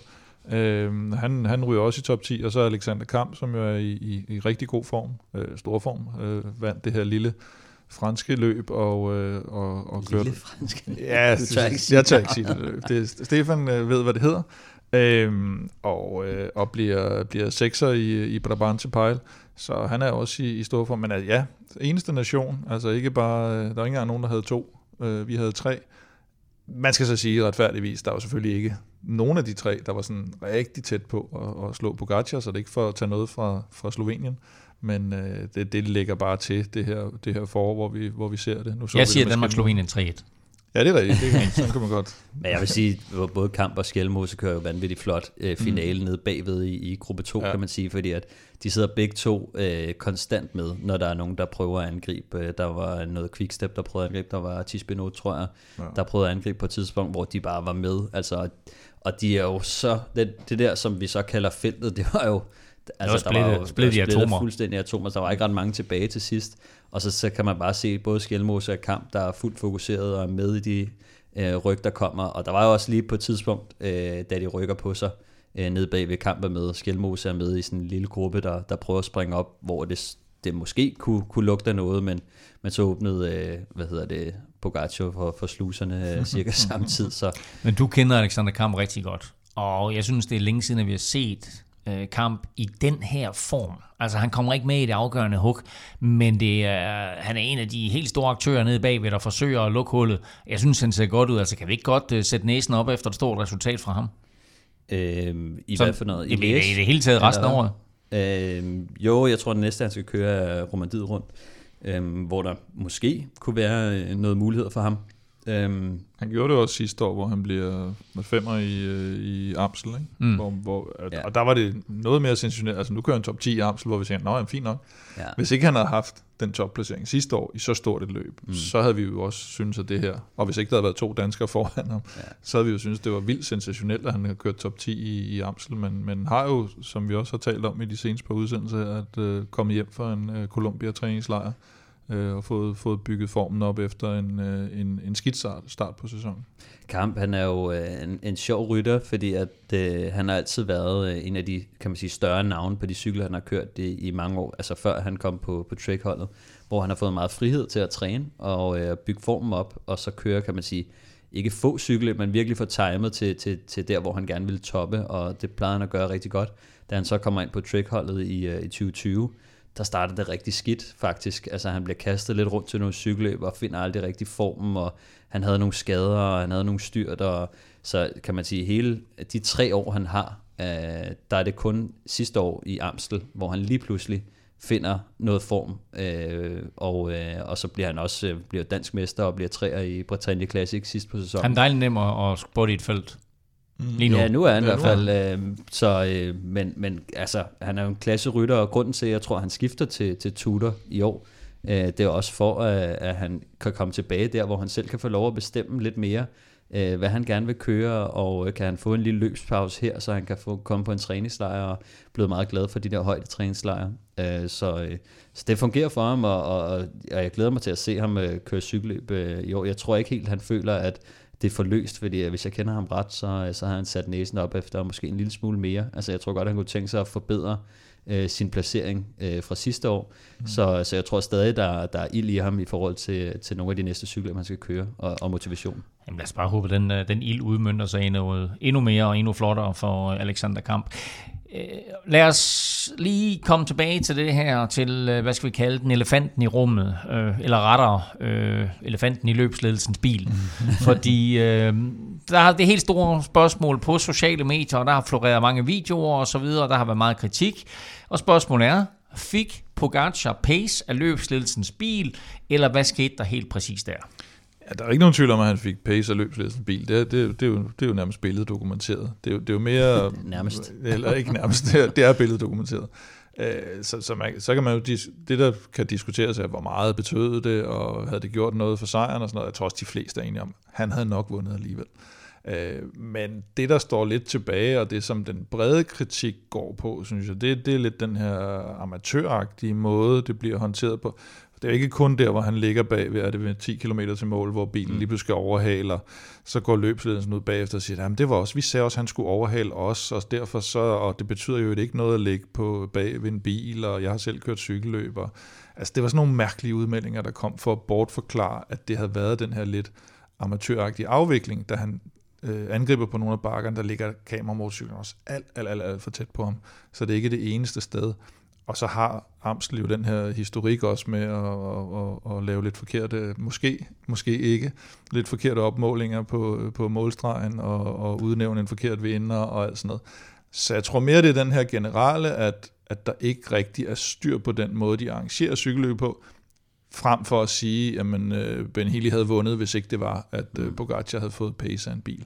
Det er jo også at, at, at, at tage, tage noget fra Pogacar, der slet ikke skal tages fra ham. Man kan så også sige selvfølgelig, at Pogacar har jo ikke rigtig, øh, altså kan jo ikke rigtig gøre noget ved det, og, og selvom løbsledelsen på en eller anden måde beder ham om at køre forbi, så kan han jo ikke køre hurtigere han, end en bil. øh, Det er altså, jo heller ikke hans ansvar at skulle nej, nej. køre væk fra en Nej. bil, der ligger der lige pludselig. Og sådan noget. Men, men noget af anklagen kom jo også på fra nogen, der, altså det, det synes jeg så virker lidt øh, langt ude måske, at, at, at de vil have Pogacar til at vinde. Og mm. derfor skulle de ligge med den der bil for at sikre, at øh, Ben Healy ikke kommer op. Den må jeg så så også sige, den, den er måske også lidt... Øh, Er den farfetched? Ja, er den ikke det? Jeg ved ikke om, altså hvis, hvis man var... Ben Healy så hurtigt ud. Hvis man som... Øh, jamen okay, jeg, jeg synes, det som øh, jeg, jeg synes, der var, der var problemet ved det, det var, at på det tidspunkt, hvor det sker, der har set ud som om Ben Healy, i hvert fald på de tidsmeldinger, mm. vi får, han lukker et par sekunder på Pogacar, og vi begynder at tænke, kan den der ja, ja, ja. sjove lille mand faktisk hente Pogacar igen? Ja. Øh, og, øh, og så får han det der pace, og så efter bilen er kørt væk godt nok, så går tidsskabet stiger- lidt op igen den anden vej. Ikke? Så jeg følte ligesom, at vi sad og håbede på, at vi ville få en ny spændende situation, mm.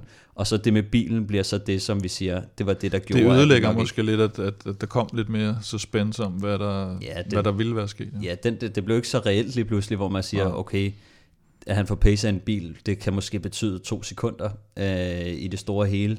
Øh, en lille smule, øh, ikke pause, men, men altså man får lidt læ, og, og man får lidt mere fart, og, men øh, jeg tror ikke, det var udslagsgivende, men jeg synes bare, man blev frarøvet lidt det der, den der spænding af, at Det, skal hele ikke, på vej det op må igen. ikke ske i sådan et, øh, det, Ja. i et løb, hvor de selv jo synes, de er et stort løb. Jeg har jo en anden mening om Men prøv, at, og, og det er sjovt, du siger det der, fordi der var, der var, der var mange kritikere mm. af det her, men en af dem, jeg lige lagde mærke til, det var Brian Nygaard, og han var ude med kritik, øh, både af situationen, men også af løbet, og især af ledelsen, og ikke kun for den her situation. Mm. Ja, ja, nå, det er det var ham der, Leo, Leo van Vliet, tidligere cykelrytter, der, der, der nu er, er sportsdirektør for løbet. Øh, hans udmeldinger, som jeg sagde, de var sådan lidt i øst og vest og sådan noget. Altså, prøve at bortforklare, at det der, der er sket, som jo tydeligvis er billeddokumenteret, og som ikke skal ske i, et- i, et, i et løb på det niveau. Så, så det Men det er, også mere- det, det er også det der med, at du var lidt inde på ikke? Altså for, er det to, år, to, to, ja, to ja. år siden, ikke, der har de den der øh, øh, foto, fotofinish, øh, skæv målstreg, var Mm. der en sort ring, eller var der ikke en sort ring, eller hvid ring, eller hvad var det, mm. vi diskuterede det meget. Sidste år, der når de udnævnt en forkert vinder. Mm. Ikke? At, hvem er det, det er Benoit Cosnefra, de udnæ- udnævner som vinder, ikke? Og det er ikke Kwiatkowski, der vinder. Og Kwiatkowski ja, ender så, med... Og inden løbet i år havde de jo faktisk, øh, øh, man kan sige, jeg tror ikke, det var så tæt på, at løbet blev aflyst i hvert fald, men de sagde jo, at vi har ikke nok motorcykler til at, at, at gennemføre det sikkerhedsmæssigt ordentligt. Øh, var der faktisk øh, få dage inden løbet, øh, og siger, at nu er sikkerheden på plads alligevel, og man kan sige, at der var der i hvert fald nok motorcykler til at fotografere øh, nogen øh, forfra, da det så endelig gik løs. Øh, det var ikke dem, de savnede. Og det er bare det, at, at, at du har et løb her, som godt, og, og øh, er, er, er nogle af os, der har fulgt med i cykelsporten længe, synes måske ikke rigtigt, det er en klassiker. De vil gerne selv være en klassiker. og være på niveau med det, og så, så skal der ikke være de her øh, ting og sager, synes jeg. Skaber det mere PR, simpelthen?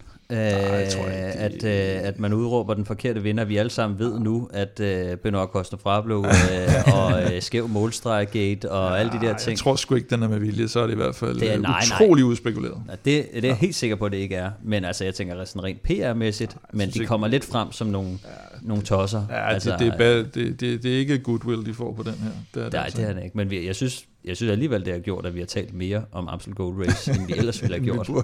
En ting, jeg gerne lige vil øh, fremhæve øh, Ja. ved Amstel Gold Race og ved afslutningen, øh, og det skal også være en Det opfordring. bliver Amstel Silver Race næste år, tror jeg. Nej, nej, nej, men det er, at da der står tre mand på podiet, øh, Pogacar, mm. øh, Tom Pitcock og øh, oh, ja. ja. Jeff, skråstrej Tom, skråstrej Ben Healy, der øh, nipper de der to andre, de nipper til deres øl, og Pogacar, jeg elsker ham. Han tager den der Amstel Gold beer, og så hugger han den ned i et drag. Ja. Altså, Sat med klasse. jamen, jeg elsker ham. Det var så sjovt. Og jeg så også øh, jeg så sådan en, øh, det var bare sådan en trending tweet af en brite, der så skriver, øh, you're a disgrace to all Brits. og det var til, Ja, til Pitcock. til Pitcock, Nå, til Pitcock. Som i, i samme klip, som, som Pogacar står og bunder den der bajer, så sætter han sin øl ned på Nej, podiet. det kan man heller ikke. Og så kan man se, så kan man se Ben Healy, som jo tidligere faktisk også var øh, fra, øh, fra, fra Storbritannien, som har skiftet nationalitet er til ir- Irland. irsk nu. ja. Øh, han står sådan og nipper til sin, og så ja. kigger han så lidt chokeret op på, på Pogacar, du ved. Og sådan, Og den er for lys, den øl til nier. Det er, ja, det er man skal være mere mørk, Han mere troede, det, han troede, det var sodavand, så han ville ikke røre den. Ej, det er rigtigt med Pitcock. Det svarer til, at du går forbi en pop og siger, skal, vi skal lige, og så siger nej, jeg skal ikke med. Ja, Det, ej, det går ikke. ja, Nå, jeg så ikke om Demi Follering, om hun øh, også huggede en øl ned, men hun vandt i hvert fald løbet foran holdkammeraten Lotte Kopecky, mens Ceci- Cecilia Utrup, hun øh, kom med første gruppe hjem og blev nummer 10, trods styrt undervejs øh, hos kvinderne. Og det betyder jo faktisk, at Pogacar har vundet både Amstel og Flesch, og at Demi Follering har vundet både Amstel og Flesch. Så det bliver lidt interessant. Oh, oh. Er trick På, øh, question det bliver lidt interessant på søndag til... Øh, Nå, er det trick question i quizzen, sidder Nå, Stefan nej, og jeg jo nej, selvfølgelig, nej, og nej, nej, det nej, både kvinder og mænd, og nu, det er kun- nu, det er kun- kun nu skal vi have en ny kun quiz. Okay. Men jeg kan godt se, at I sendte mig nogle blikke der. Uh, hvad nu? Vi tænker kun quiz for nu. Ja, ja, præcis. Nej, øh, jeg synes bare, det bliver interessant på, på søndag selvfølgelig med, øh, med Liège, Bastogne, Liège. Vi skal have fundet en øh, vinder af dagens Europa Cup, og den kan man også fylde op med øl. Og, øh, Ja, det kan man godt. og bunden, og det er jeg sikker på, at, øh, at Pogacar han sagtens kunne, for det er en øh, ganske almindelig kaffekop, om end med et fantastisk tryk, ikke mindst med flotte billeder af jer to på. øhm, vi skal også have sat gang i en ny konkurrence. Det kan vi lige komme tilbage til. Øh, men vil du deltage i øh, lodtrækningen fremover, så er det nemt at være med. Og samtidig så støtter du os på tier.dk. Beløbet er valgfrit, og du donerer hver gang vi udgiver en ny podcast. Og når du så donerer, så deltager du altså løbende i lodtrækningen om en kop. Og også de her andre fede præmier. Stefan, lad os lige først og fremmest få fundet dagens vinder. For fundet, dagens For- vinder, for- for fundet. Øhm, jamen, dagens øh, vinder øh, har været med i to år cirka, og han hedder, eller øh, hen hedder Slagelset, eller Slagelse T. Slagelse T. Det er sådan den danske kuldsæt, tror jeg, ligesom i Norge. Nå, det kan være, ja. Vigga og Slagelse. Slagelset har vundet. Ja, Ja, øh, ja Slagelse, Slagelse T, Slagelse T Jeg kan har vundet. Jamen, det er fedt. Jamen, hey, Slagelse T. Slagelse. Øh, tusind tak, fordi du støtter, og øh, kæmpestort tillykke med øh, din Velropa Cup. Vi glæder os selvfølgelig til at se nogle billeder på de sociale medier øh, af dig med din nye Velropa Cup, enten fyldt med kaffe eller med øh, øl. Og så trækker vi lod i næste uge, Kim, om en fed ekstra præmie, og den må du hellere fortælle lidt om. Sandt, vi har faktisk fået den her pakke fra Jakob Ravn, der var mekaniker og var nede til Copy Bartali for Ineos. Og han har været så venlig at sende os en pakke, for lige fået den i dag, og har lige pakket den op. Og øh, det viser sig, at der er lidt mere guf i, end, øh, end vi havde regnet med. Så øh, det bliver faktisk til en øh, ekstra 10 præmie de næste tre uger. Så Sådan. vi har tre poser nu, eller tre slynger, med øh, Ineos drikkedunk, hvor der øh, altså simpelthen Se, der står Leo- navnene- Leo H på den der. Leo H, for eksempel Leo ja. Hader, og, øh, og et par andre navne, og der er en øh, Ineos kasket, der er til og med Ineos mundbind, Sådan. som øh, de åbenbart stadigvæk bruger nogle steder her. Og øh, ja, autografer på, både fra Viviani, Leo Hader, Slynger, Sådan. kasketter, Bum. tre uger, tre vinder. Så de, de næste tre uger, der ja. trækker vi simpelthen lod om en Ineos Muset, eller slynge, om man vil, med, øh, med signeret dunke og mundbind. Og kasketter. Og kasketter, det er rigtig ja. undskyld. Ja, ja, endnu federe jo. Og øh, jeg kan se, at... Øh, Stefan har allerede. Altså, Ja, Worn by vi burde, Stefan vi Jules. burde nok ikke have fortalt det her, men Stefan har simpelthen stjålet en kasket. Så der, der kunne principielt have været fire præmier, men nej, det bliver det bliver nøjes Eller med så tre. er det en øh, gevinst til en af dem. Ja, Ja, Worn by jeg, Stefan jeg synes Jules. jo faktisk, Stefan, når du sidder der så fint med den der kasket på, så burde du også tage et mundbind på. Nu burde du lave resten af udsendelsen med mundbind på. Nå, hvis du har lyst til at vinde den her super fede præmie, altså øh, masser af Ingers guf, øh, så er det dejligt nemt at være med, fordi du skal bare støtte os på tier.dk, og husk, at vi jo for alle vores lodtrækninger gør det på den måde, at for hver femmer du donerer, der får du et lod i puljen, så jo større beløb, jo flere lodder, dermed større chance for at vinde. Du finder link på både velropa.dk og på tier.dk.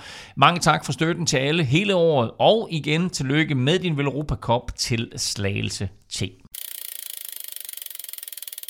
Store dele af det kommende Giro d'Italia-felt er samlet til det, der tidligere hed Giro de Trentino, men nu går under navnet Tour of the Alps. Løbet begyndte mandag i Østrig og slutter i Italien på fredag med masser af bjerge undervejs i områderne, som mange skientusiaster kender i øh, Tirol, Sydtirol og øh, Trentino. Der er nu kørt tre etaper af det her ganske hårde etapeløb, og øh, første hurtige konklusion er, at Theo Gegenhardt ser stærk ud, og ikke bare har tænkt sig at lade den kommende Giro være et opgør mellem Remco og Roglic. Øh, Ja, det ved jeg ikke, om øh, han er i hvert fald... Øh, Det synes jeg. Han er i hvert fald set godt kørende ud, det vil jeg, det vil jeg sige, ikke? Og, og jeg sad også, jeg har længe gået og tænkt på uh, Geraint Thomas, uh, som skal køre Giro. Vi tænker jo, at han er ved at blive lidt gammel og over the hill, men, uh, men han blev nummer tre i turen sidste år og kørte vanvittigt stærkt der.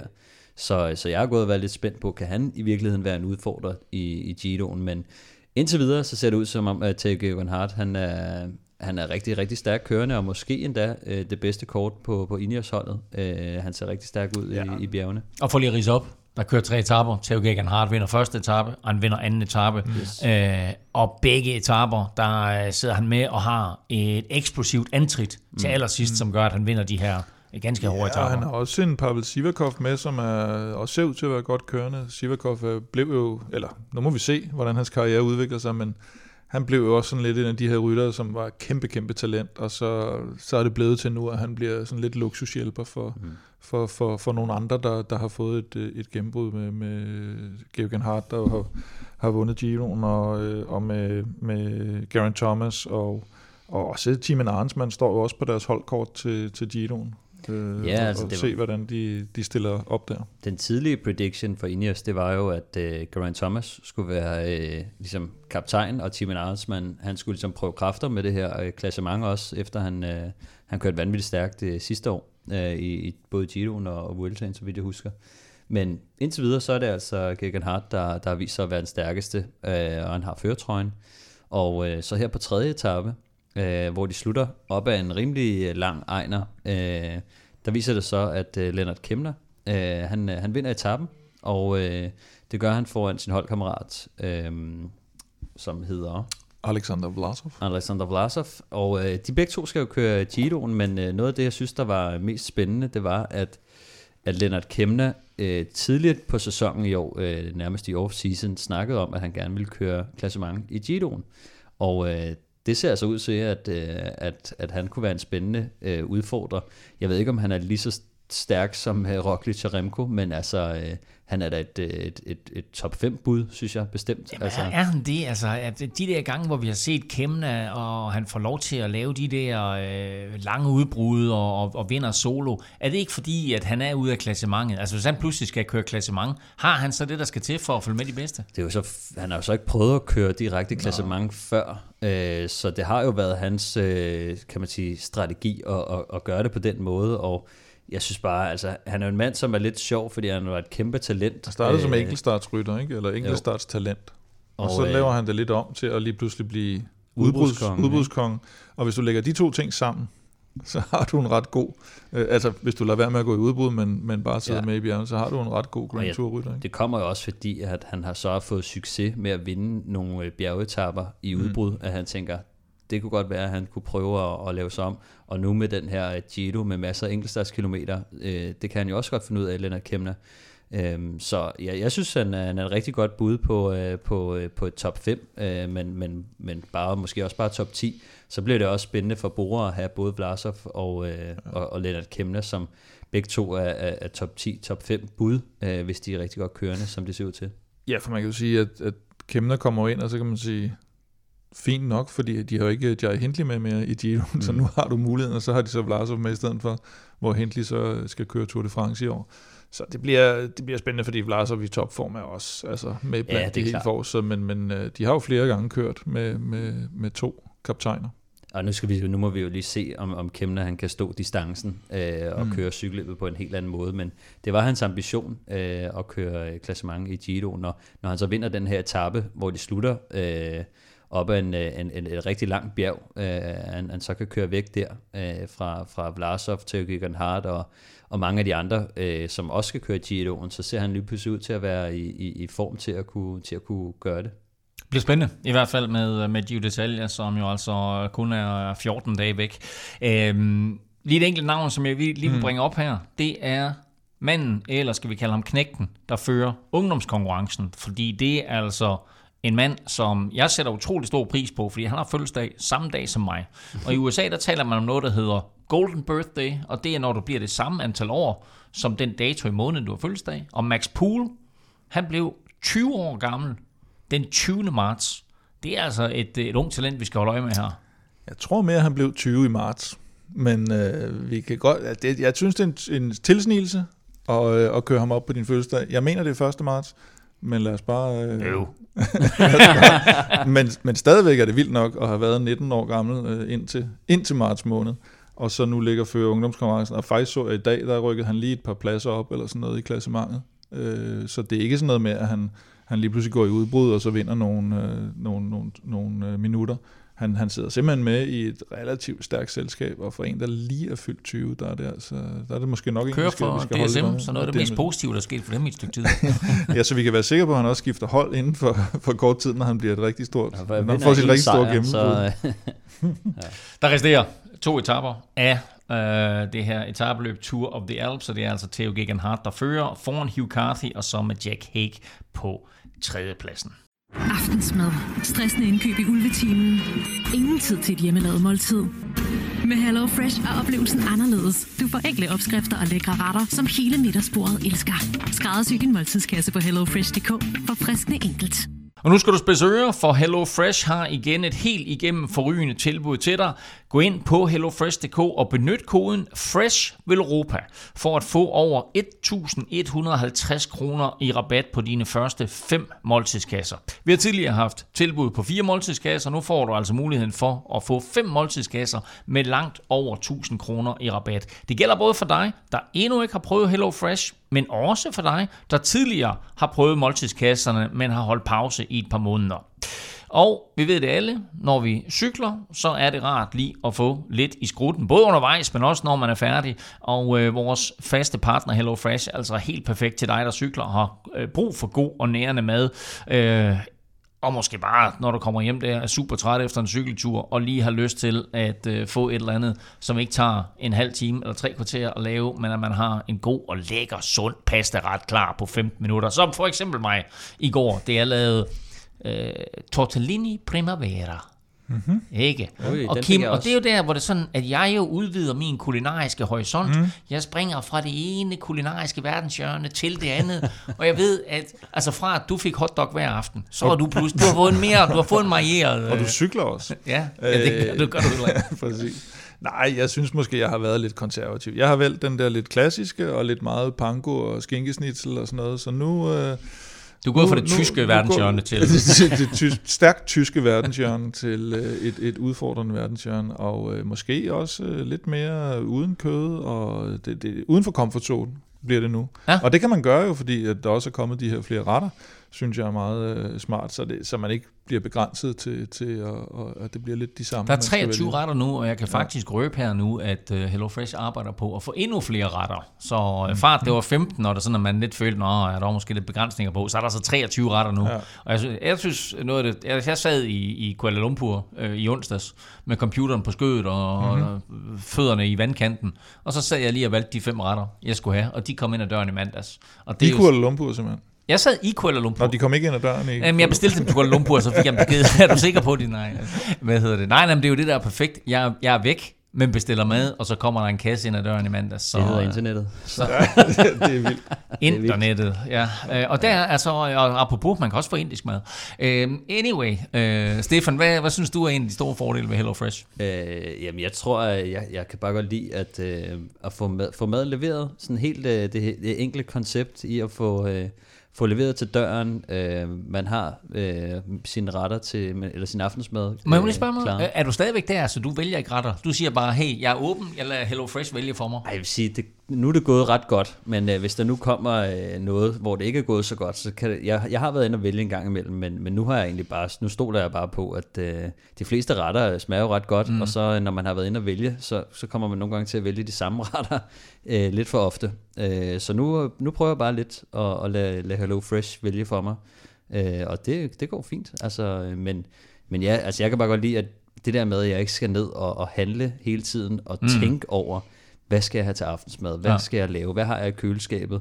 Og så ned i supermarkedet, og så skal man stå der og stige ind i, øh, i frostboksen, eller i, i, hvad hedder det, i, i kød og kødboksen, Køldisken. med køledisken, og, og stå og tænke, hvad, hvad skal jeg have i dag? Skal det være oksekød? Skal det være kylling igen? Eller så, så for mig er det bare En at, øh, at, at få noget relativt, altså det er jo, det er jo sund mad, øhm, men at jeg ikke skal tænke så meget på aftensmad, fordi det er jo sådan noget, vi alle sammen tænker på, øh, det er sådan, når man lige kører hjem, så oh, jeg skal lige ind og handle, og hvad skal jeg egentlig Mm. have, og hvis man bor sammen med nogen, så skal man lige høre, hvad, hvad har du lyst til i dag, og så videre, ikke? Så, så den der koordination og tid, øh, man sparer ved det, det, det kan jeg godt lide. Helt enig, og øh, jeg synes, det er så dejligt nemt med, med HelloFresh. Jeg synes, at det er netop det der med, at, at det er inspirerende at, at prøve alle mulige forskellige øh, varianter af retter. Og øh, en gang imellem, så glemmer jeg faktisk selv lige at vælge. Og så ender det med, at man får sådan øh, fem ting ind, som Hello Fresh har valgt for dig, og så ender man med at prøve noget, som man aldrig nogensinde havde forestillet sig, og det er som regel altid super, super godt. Har du også lyst til at prøve Hello Fresh, så er det et perfekt tidspunkt nu. Du får altså 1.153 kroner i rabat på dine første fem måltidskasser, og det gør du med koden Fresh Velropa. Du kan øh, faktisk godt finde det her tilbud andre steder, men bruger du koden FreshVelropa, så støtter du podcasten her, og så må du altså meget gerne dele koden med venner og bekendte, så vi kommer ud til så mange som muligt og viser HelloFresh, at de fortsat skal støtte Velropa podcast. Så gå ind på hellofresh.dk nu og brug koden FreshVelropa. Ordet fænomen er velvalgt i denne her sammenhæng, mine damer og herrer. Remco Evenepoel vinder Alies Baston Liège. Stor sejr, et stort solonummer og en meget populær vinder her i Belgien. Remco Evenepoel var suveræn sidste år og kørte en øh, solosejr hjem i fornem stil. Alligevel så sidder jeg lidt med en eller anden følelse af, at årets fjerde monument sådan er en kende anonymt. Øh, Det er ældst af dem alle, La Doyenne, øh, den gamle dame, Liège Baston Liège, køres på søndag. Men jeg ved ikke, om jeg er alene med den følelse, men altså, er, er det ikke sådan, at den står lidt i skyggen af de andre sådan, Amstel Gold Race. Jamen, nå, men altså, at, at, at det spektakulære forår, vi har haft med alle de fede løb, vi har haft. Og nu ved vi jo selvfølgelig ikke, hvordan Liège kommer til at gå, så, så Nå, det er selvfølgelig forhånd. Ja, øh, øh, nu ved vi jo, at de andre var super, super gode, nærmest historisk gode, så, så hvis der kommer et historisk godt Liège, så, så ligger den jo bare i tråd med det, men den bliver, det bliver svært at overgå, og, og jeg tror også for mange, jeg ved ikke engang, om det er specielt danskere, men, eller om det er bare cykelfans generelt, eller om det er bare mig, eller måske også jer, at brostens, øh, nå, men altså, de store brostensløb, det er der foråret topper, synes jeg. Altså man, man, man går i gang med omløb og kørende, så bygger man op, og så kulminerer det i Flandern Roubaix ugen der, og så går det sådan en lille smule ned. Lidt ligesom på Gotchas form, som vi, øh, hvad hedder det, og så, så, så slutter den jo selvfølgelig øh, klassikersæsonen med Liège Bastogne Liège. Jeg har dog mere den der fornemmelse, synes jeg, når det er Lombardiet rundt. Der er jeg ved at være, være godt øh, slidt ned Det er da lang tid, det er der er halvt år til jo. Ja. Det synes jeg egentlig plejer at levere. Øh, øh, og nu er Valverde ikke med. så- Og jeg er enig, jeg synes også, at Liège plejer at levere. Jeg synes, Ja. det er et fedt løb og, øh, og så videre. Jeg har det bare sådan lidt, at, at jeg kan slet ikke forstå, at det er på søndag, at der køres Liège. Men altså, nu skal vi tale om Liège, og, og vi skal også lave en, en, en optag til Liège her, hvor vi skal tale om, om favoritter og danskere og så videre. Og selvfølgelig også lidt om løbet. Og en af de helt store ting i det her løb, det er selvfølgelig Pogacar i noget, der minder om topform, øh, mod en Remco, som er forsvarende mester. Og de to imod hinanden, det bliver altså fedt at se. Ja, så er det på, på to helt forskellige øh, formkurver, havde han nær sagt, fordi øh, Remco er ved at bygge op mod Giroen, og Pogacar er som sagt ved at, at bygge ned, havde han nær sagt, fra en, for en klassikersæson, og, og skal, skal lige ned, og jeg ved man sgu aldrig med ham, om han skal ned og vende, inden han kører turen. Man må sige, han har ikke gjort det let for sig selv i forhold til... Altså, det er ikke sådan, da han blev slået af Vingegaard sidste år, og så tænkte, nu tager jeg lige roligt i foråret, fordi nu må jeg hellere koncentrere mig om lige at slå ham der, Jonas Vingegaard. Han har givet den på alle tangenter og kørt nærmest øh, De har, de har, de har grebet end, foråret øh, meget forskelligt, Ja, ja, det. Vingegaard og, og Pogacar. Pogacar, han, han kører alt og vinder alt. Vingegaard, han har sagt, jeg kører ingen endagsløb, jeg kører kun øh, etabeløb og kun øh, opvarmning til, øh, til turen. Og- Og, og- og, og, så er der en ting, vi ikke har vendt, nemlig at øh, Vingegaard jo fik den her nye kontrakt. Han har fået en kontrakt Så frem til, var det 2027 eller 2028, 27. som, øh, som, Til og han, med 27. som, øh, som han har forlænget. Øh, så øh, tillykke øh, til ham med det, men vi får ham altså ikke se, før, før vi snakker lidt øh, Men- men duel- ulang etabeløb senere på foråret. Og duelmæssigt, og det er jo det, der lidt har været også. Nu har vi haft de der tre store, øh, Wout van Aert, Van der Poel, øh, Pogacar. Nogle gange bliver det så til en duel, alt efter hvordan løbene udvikler sig. Nu har vi øh, Roglic mod Evenepoel i, øh, i Giroen. Nu har vi Pogacar mod Remco her.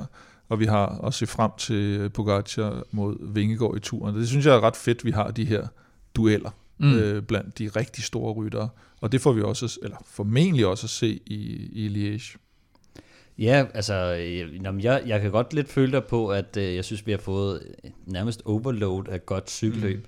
Mm. Øh, og så lige pludselig så kommer Liège også. Altså, det er ikke fordi, at jeg er blevet træt af det, men jeg synes, altså, øh, Strade er jo også sådan et løb, som, som kan man sige... Nå, forstå mig heller ikke. Forstå mig ret. Jeg, jeg er på ingen måde træt af det. Jeg synes, vi har haft et vid, måske det bedste cykelforår nogensinde.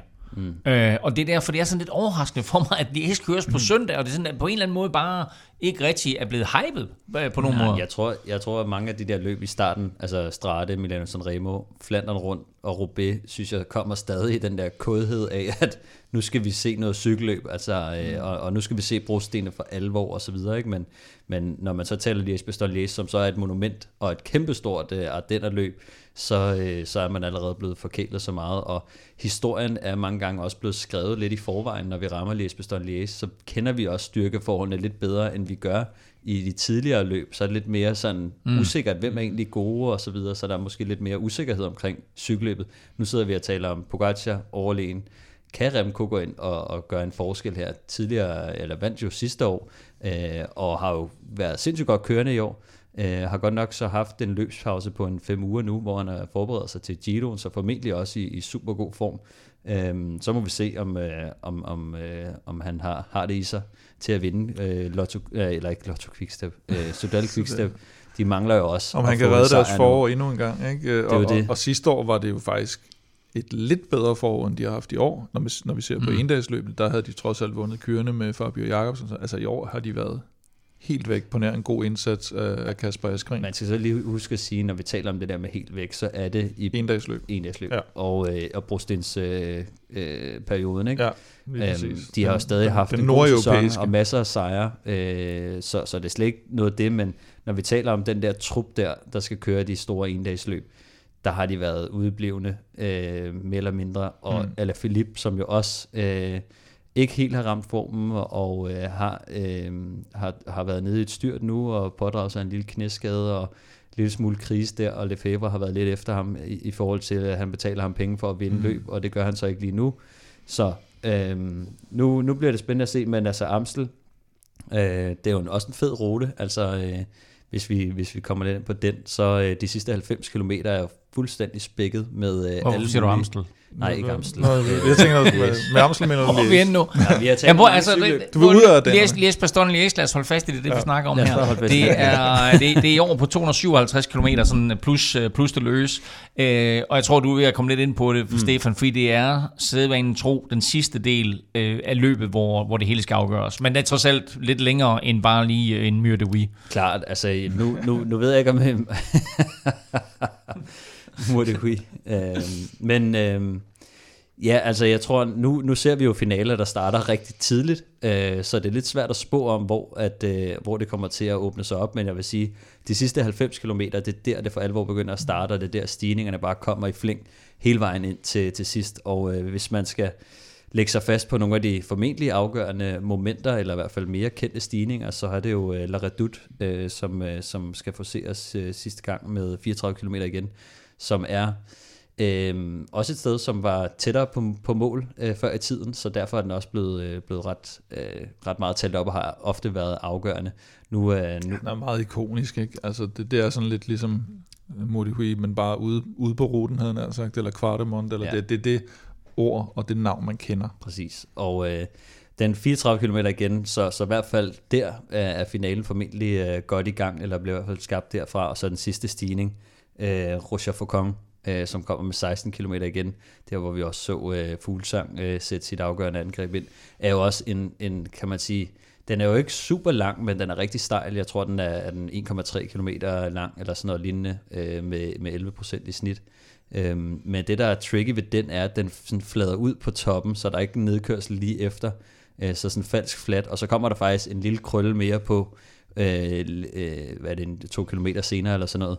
Øh, så det er sådan en stigning, som sådan rigtig trækker tænder ud, men endnu mere, fordi at den sådan fortsætter efter øh, toppen af, af stigningen. Så øh, Den minder faktisk lidt om den stigning, som Pogacar smed Tom Pitcock på øh, i Amstel. Keutenberg, Øh, altså sådan den måde, der når man ser den fra siden af. Mm. Så det er vel også ja. der, at, det er sådan, at vi kommer til at se det afgørende. Altså kan Pogacar gøre det samme igen? Kan Remco se med? Kan Remco smide Pogacar? Øh, Mm. Og eventuelt øh, andre? Jamen, man kan sige, at, at normal, for normale cykelryttere og mennesker, så vil man jo sige, at det simpelthen er selvmål at begynde at angribe alt for langt udefra. Så derfor kan vi nok godt være sikre på, at Remco eller Pogacar eller dem begge to angriber langt udefra. Fordi de er jo ikke normale, spændende. og Altså det, også, det vil øh, være meget øh, dem at gøre det.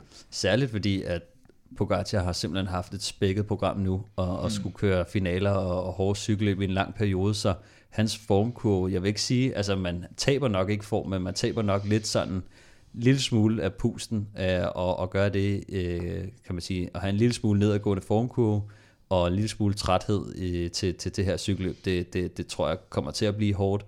Øh, specielt hvis Remco og, og, øh, og Quickstep de begynder at åbne op for et, øh, for et hårdt cykelløb tidligt.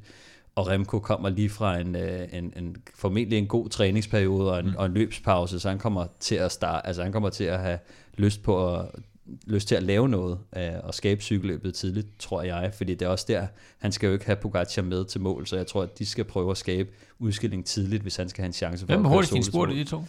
Det er Pogacar. Mm.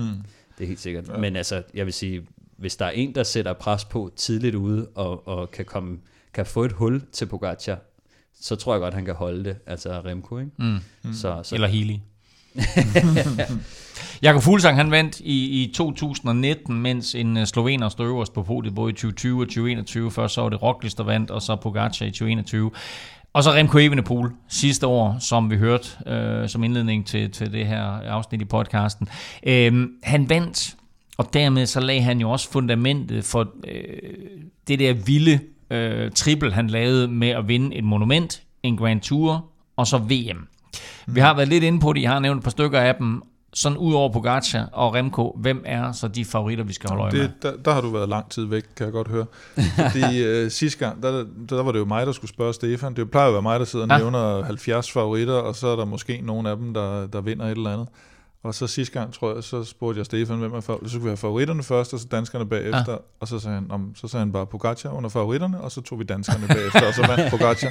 Så jeg tror ikke, vi behøver andre, at nævne andre end, end egentlig Remco, øh, hvad hedder det, øh, Pogacar og Pitcock. Pitcock måske, men, men igen... Hvem vi har været- han er med, ikke? Eller hvad? Nej. Nej, Han kører. Øh, og, og Pitcock har vi været lidt inde på med, med Amsel, det der. Her der er altså distance på. Hvis han skal gå Jeg med synes, i de ting, som øh, sådan nogen som Remco og Pogacar kan finde på, så begynder jeg at tvivle lidt på, på om han kan stå distancen. Jeg vil sige, hvis vi snakker om favoritter, så øh, kan vi lige så godt tage nogle af danskerne med, fordi at Skelmose, mm. specielt efter den Ja, øh, anden plads i dag, vil jeg sige. Han, øh, og han, jeg så også, at han blev nævnt af udenlandske medier i forhold til favoritter af Flash, hvor jeg tænkte, okay, nu, nu begynder det at ligne Ja, ja, noget, ja. at, at udenlandske medier også begynder at nævne ham som favoritter, så det ikke er bare sådan, at man har danskerhatten på. Øh, jeg synes, at, at han må være en af de, de store favoritter, når man lige ser bort fra, fra de tre øh, i, i Remco Pogacar og Pitcock. Ja, og så synes jeg også, at, at netop et løb som Liège, tror jeg egentlig, han har større chance for at snyde end Pogacar, altså fordi den ikke mm. er så definitiv op mod afslutningen. Han har jo ikke, altså han, vind, han taber jo 999 ud af 1000 gange op af, af, af Moody Hui til Pogacar. Men her, Ja, hvis der kommer et eller andet spil, hvis han er så stærk, at han måske ligefrem kan sidde med i en gruppe, hvor de to er med, så kan der opstå et eller andet øh, stillestand mm. øh, mellem nogen, og nogle nedkørsler og nogle mellemstykker, hvor du kan slippe væk Ja, i hvert fald. Og, og det, det- det, kan du ikke i Flash Wallon. Og grunden til, at jeg tror også, at det måske bliver muligt, det er, fordi vi har nok Remco, der kan sætte Pogacar en lille smule i skak. Altså, øh, jeg, tror, jeg tror faktisk ikke, at Pogacar han kan smide øh, Remco. Nej, det er frygteligt, når de to kommer afsted, så sidder man jo nogle gange og håber, hvis man, hvis man håber, at nogen bagved skal komme op, som også med, med Andreas Kron her der tidligere. Altså problemet med de her typer, både Remco, Pogacar, Van Aert, Van der Poel, når først de kommer, altså, der, der, der går ikke taktik i den jo. Det er det, der er så irriterende. Mm. Fordi så sidder man og tænker, ah, men bare der nu går taktik i dem, så kan en eller anden lige komme op og snyde dem. De kører jo bare. Mm. Men det, det tror Og så jeg vil ikke, Remco øh, bare sidde og ryste på hovedet på Pogacar og sige, og for han ved godt, at han skal have sat ham, ikke? og så Ja, bliver han sur, og så kommer de hjem, og så ja, enten Det får er han svært sat ham, for, og- for Remco, fordi jeg tror, at hans to muligheder, det er at gøre det så hårdt som muligt, så han kan sætte ham, eller også så skal han, altså, så skal han, hvis de kommer afsted sammen, så skal han lade være med at føre og få folk op igen for at prøve at- at angribe Er vi, er vi igen, ude ikke? i, at Quickstep, de laver et angreb, men nu ved jeg ikke, hvem de har med ud over Remco, men de laver et angreb med, hvad ved jeg, De to-tre rytter, Van, Wilder formentlig. og ikke? øh, sender dem afsted, så, Ja. så, så presset bliver lagt på UAE og på Pogacar. de, de formentlig- skal jo ud og gøre det, og de gjorde det jo lidt godt i Flandern. Ikke? Øh, øh, missionen lykkedes så ikke helt til sidst, men de, der kørte de jo et perfekt løb, eller det gjorde alle, det snakker vi også om, at Mads P. gjorde. Alle kørte, alle aftalerne kørte egentlig et perfekt løb i Flandern rundt. Pogacar vandt alligevel. Mm.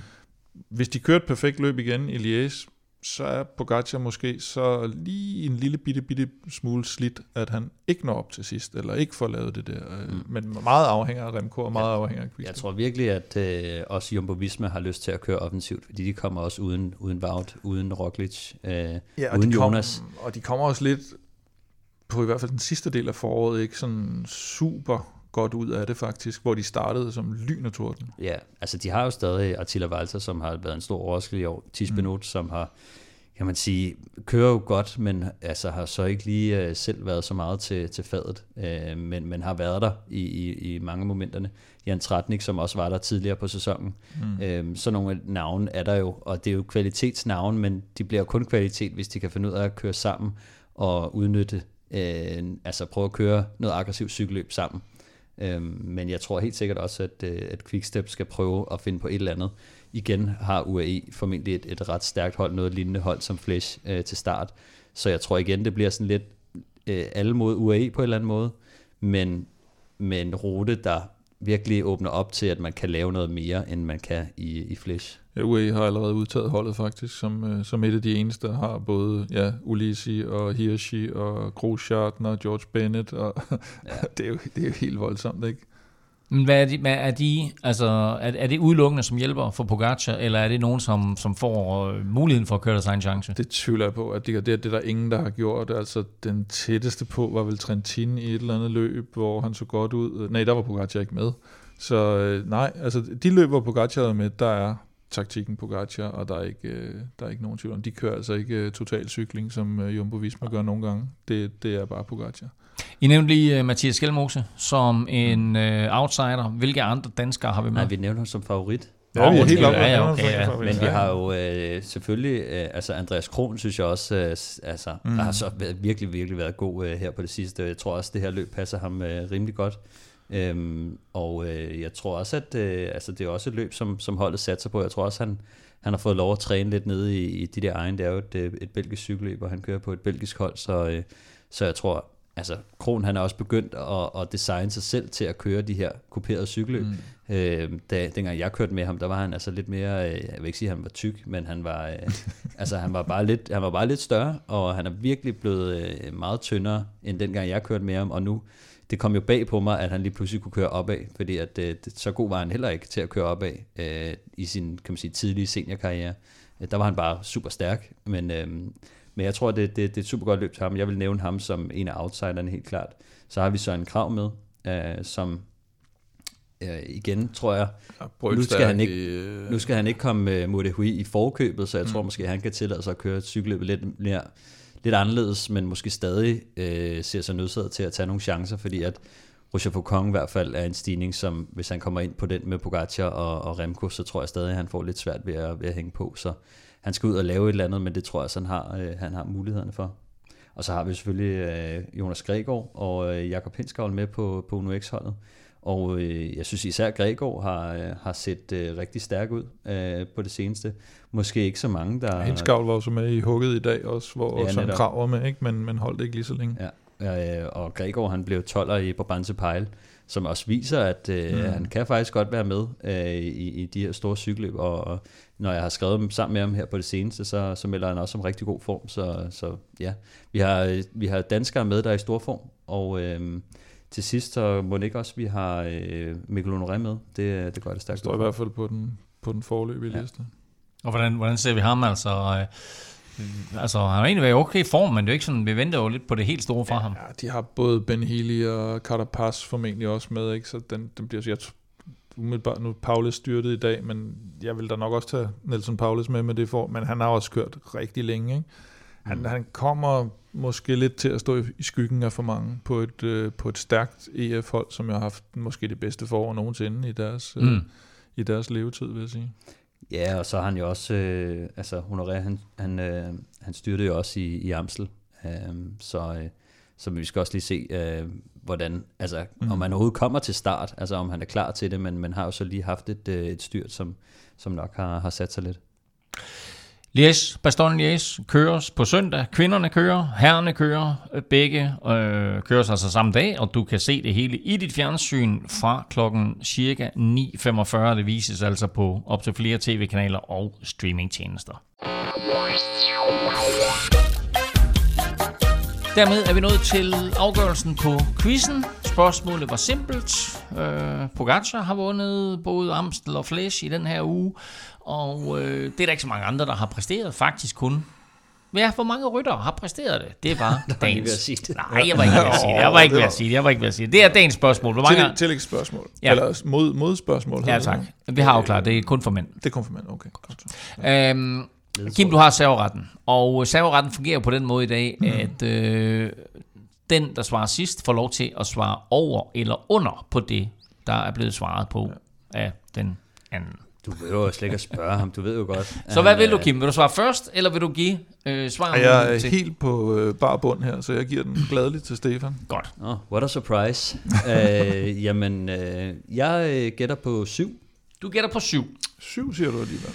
Og øh, det er jo et glimrende bud. Kim, nu har du serveretten, eller du har... Giver du du ham har, lige sådan en ledetråd, at det er et glimrende bud? du har, øh, du har, Jeg siger jo seks eller otte uanset. du har, nå. Øhm, Nej. hvad hedder det? Vil, vil du svare over eller under? Jamen, jeg siger, ja, mit bud bliver jo så seks. Eller skal jeg ramme lige på for at få Nej, point? du får over eller under. Nå, under, under. Jamen, så bliver det under. For jeg kan kun to selv.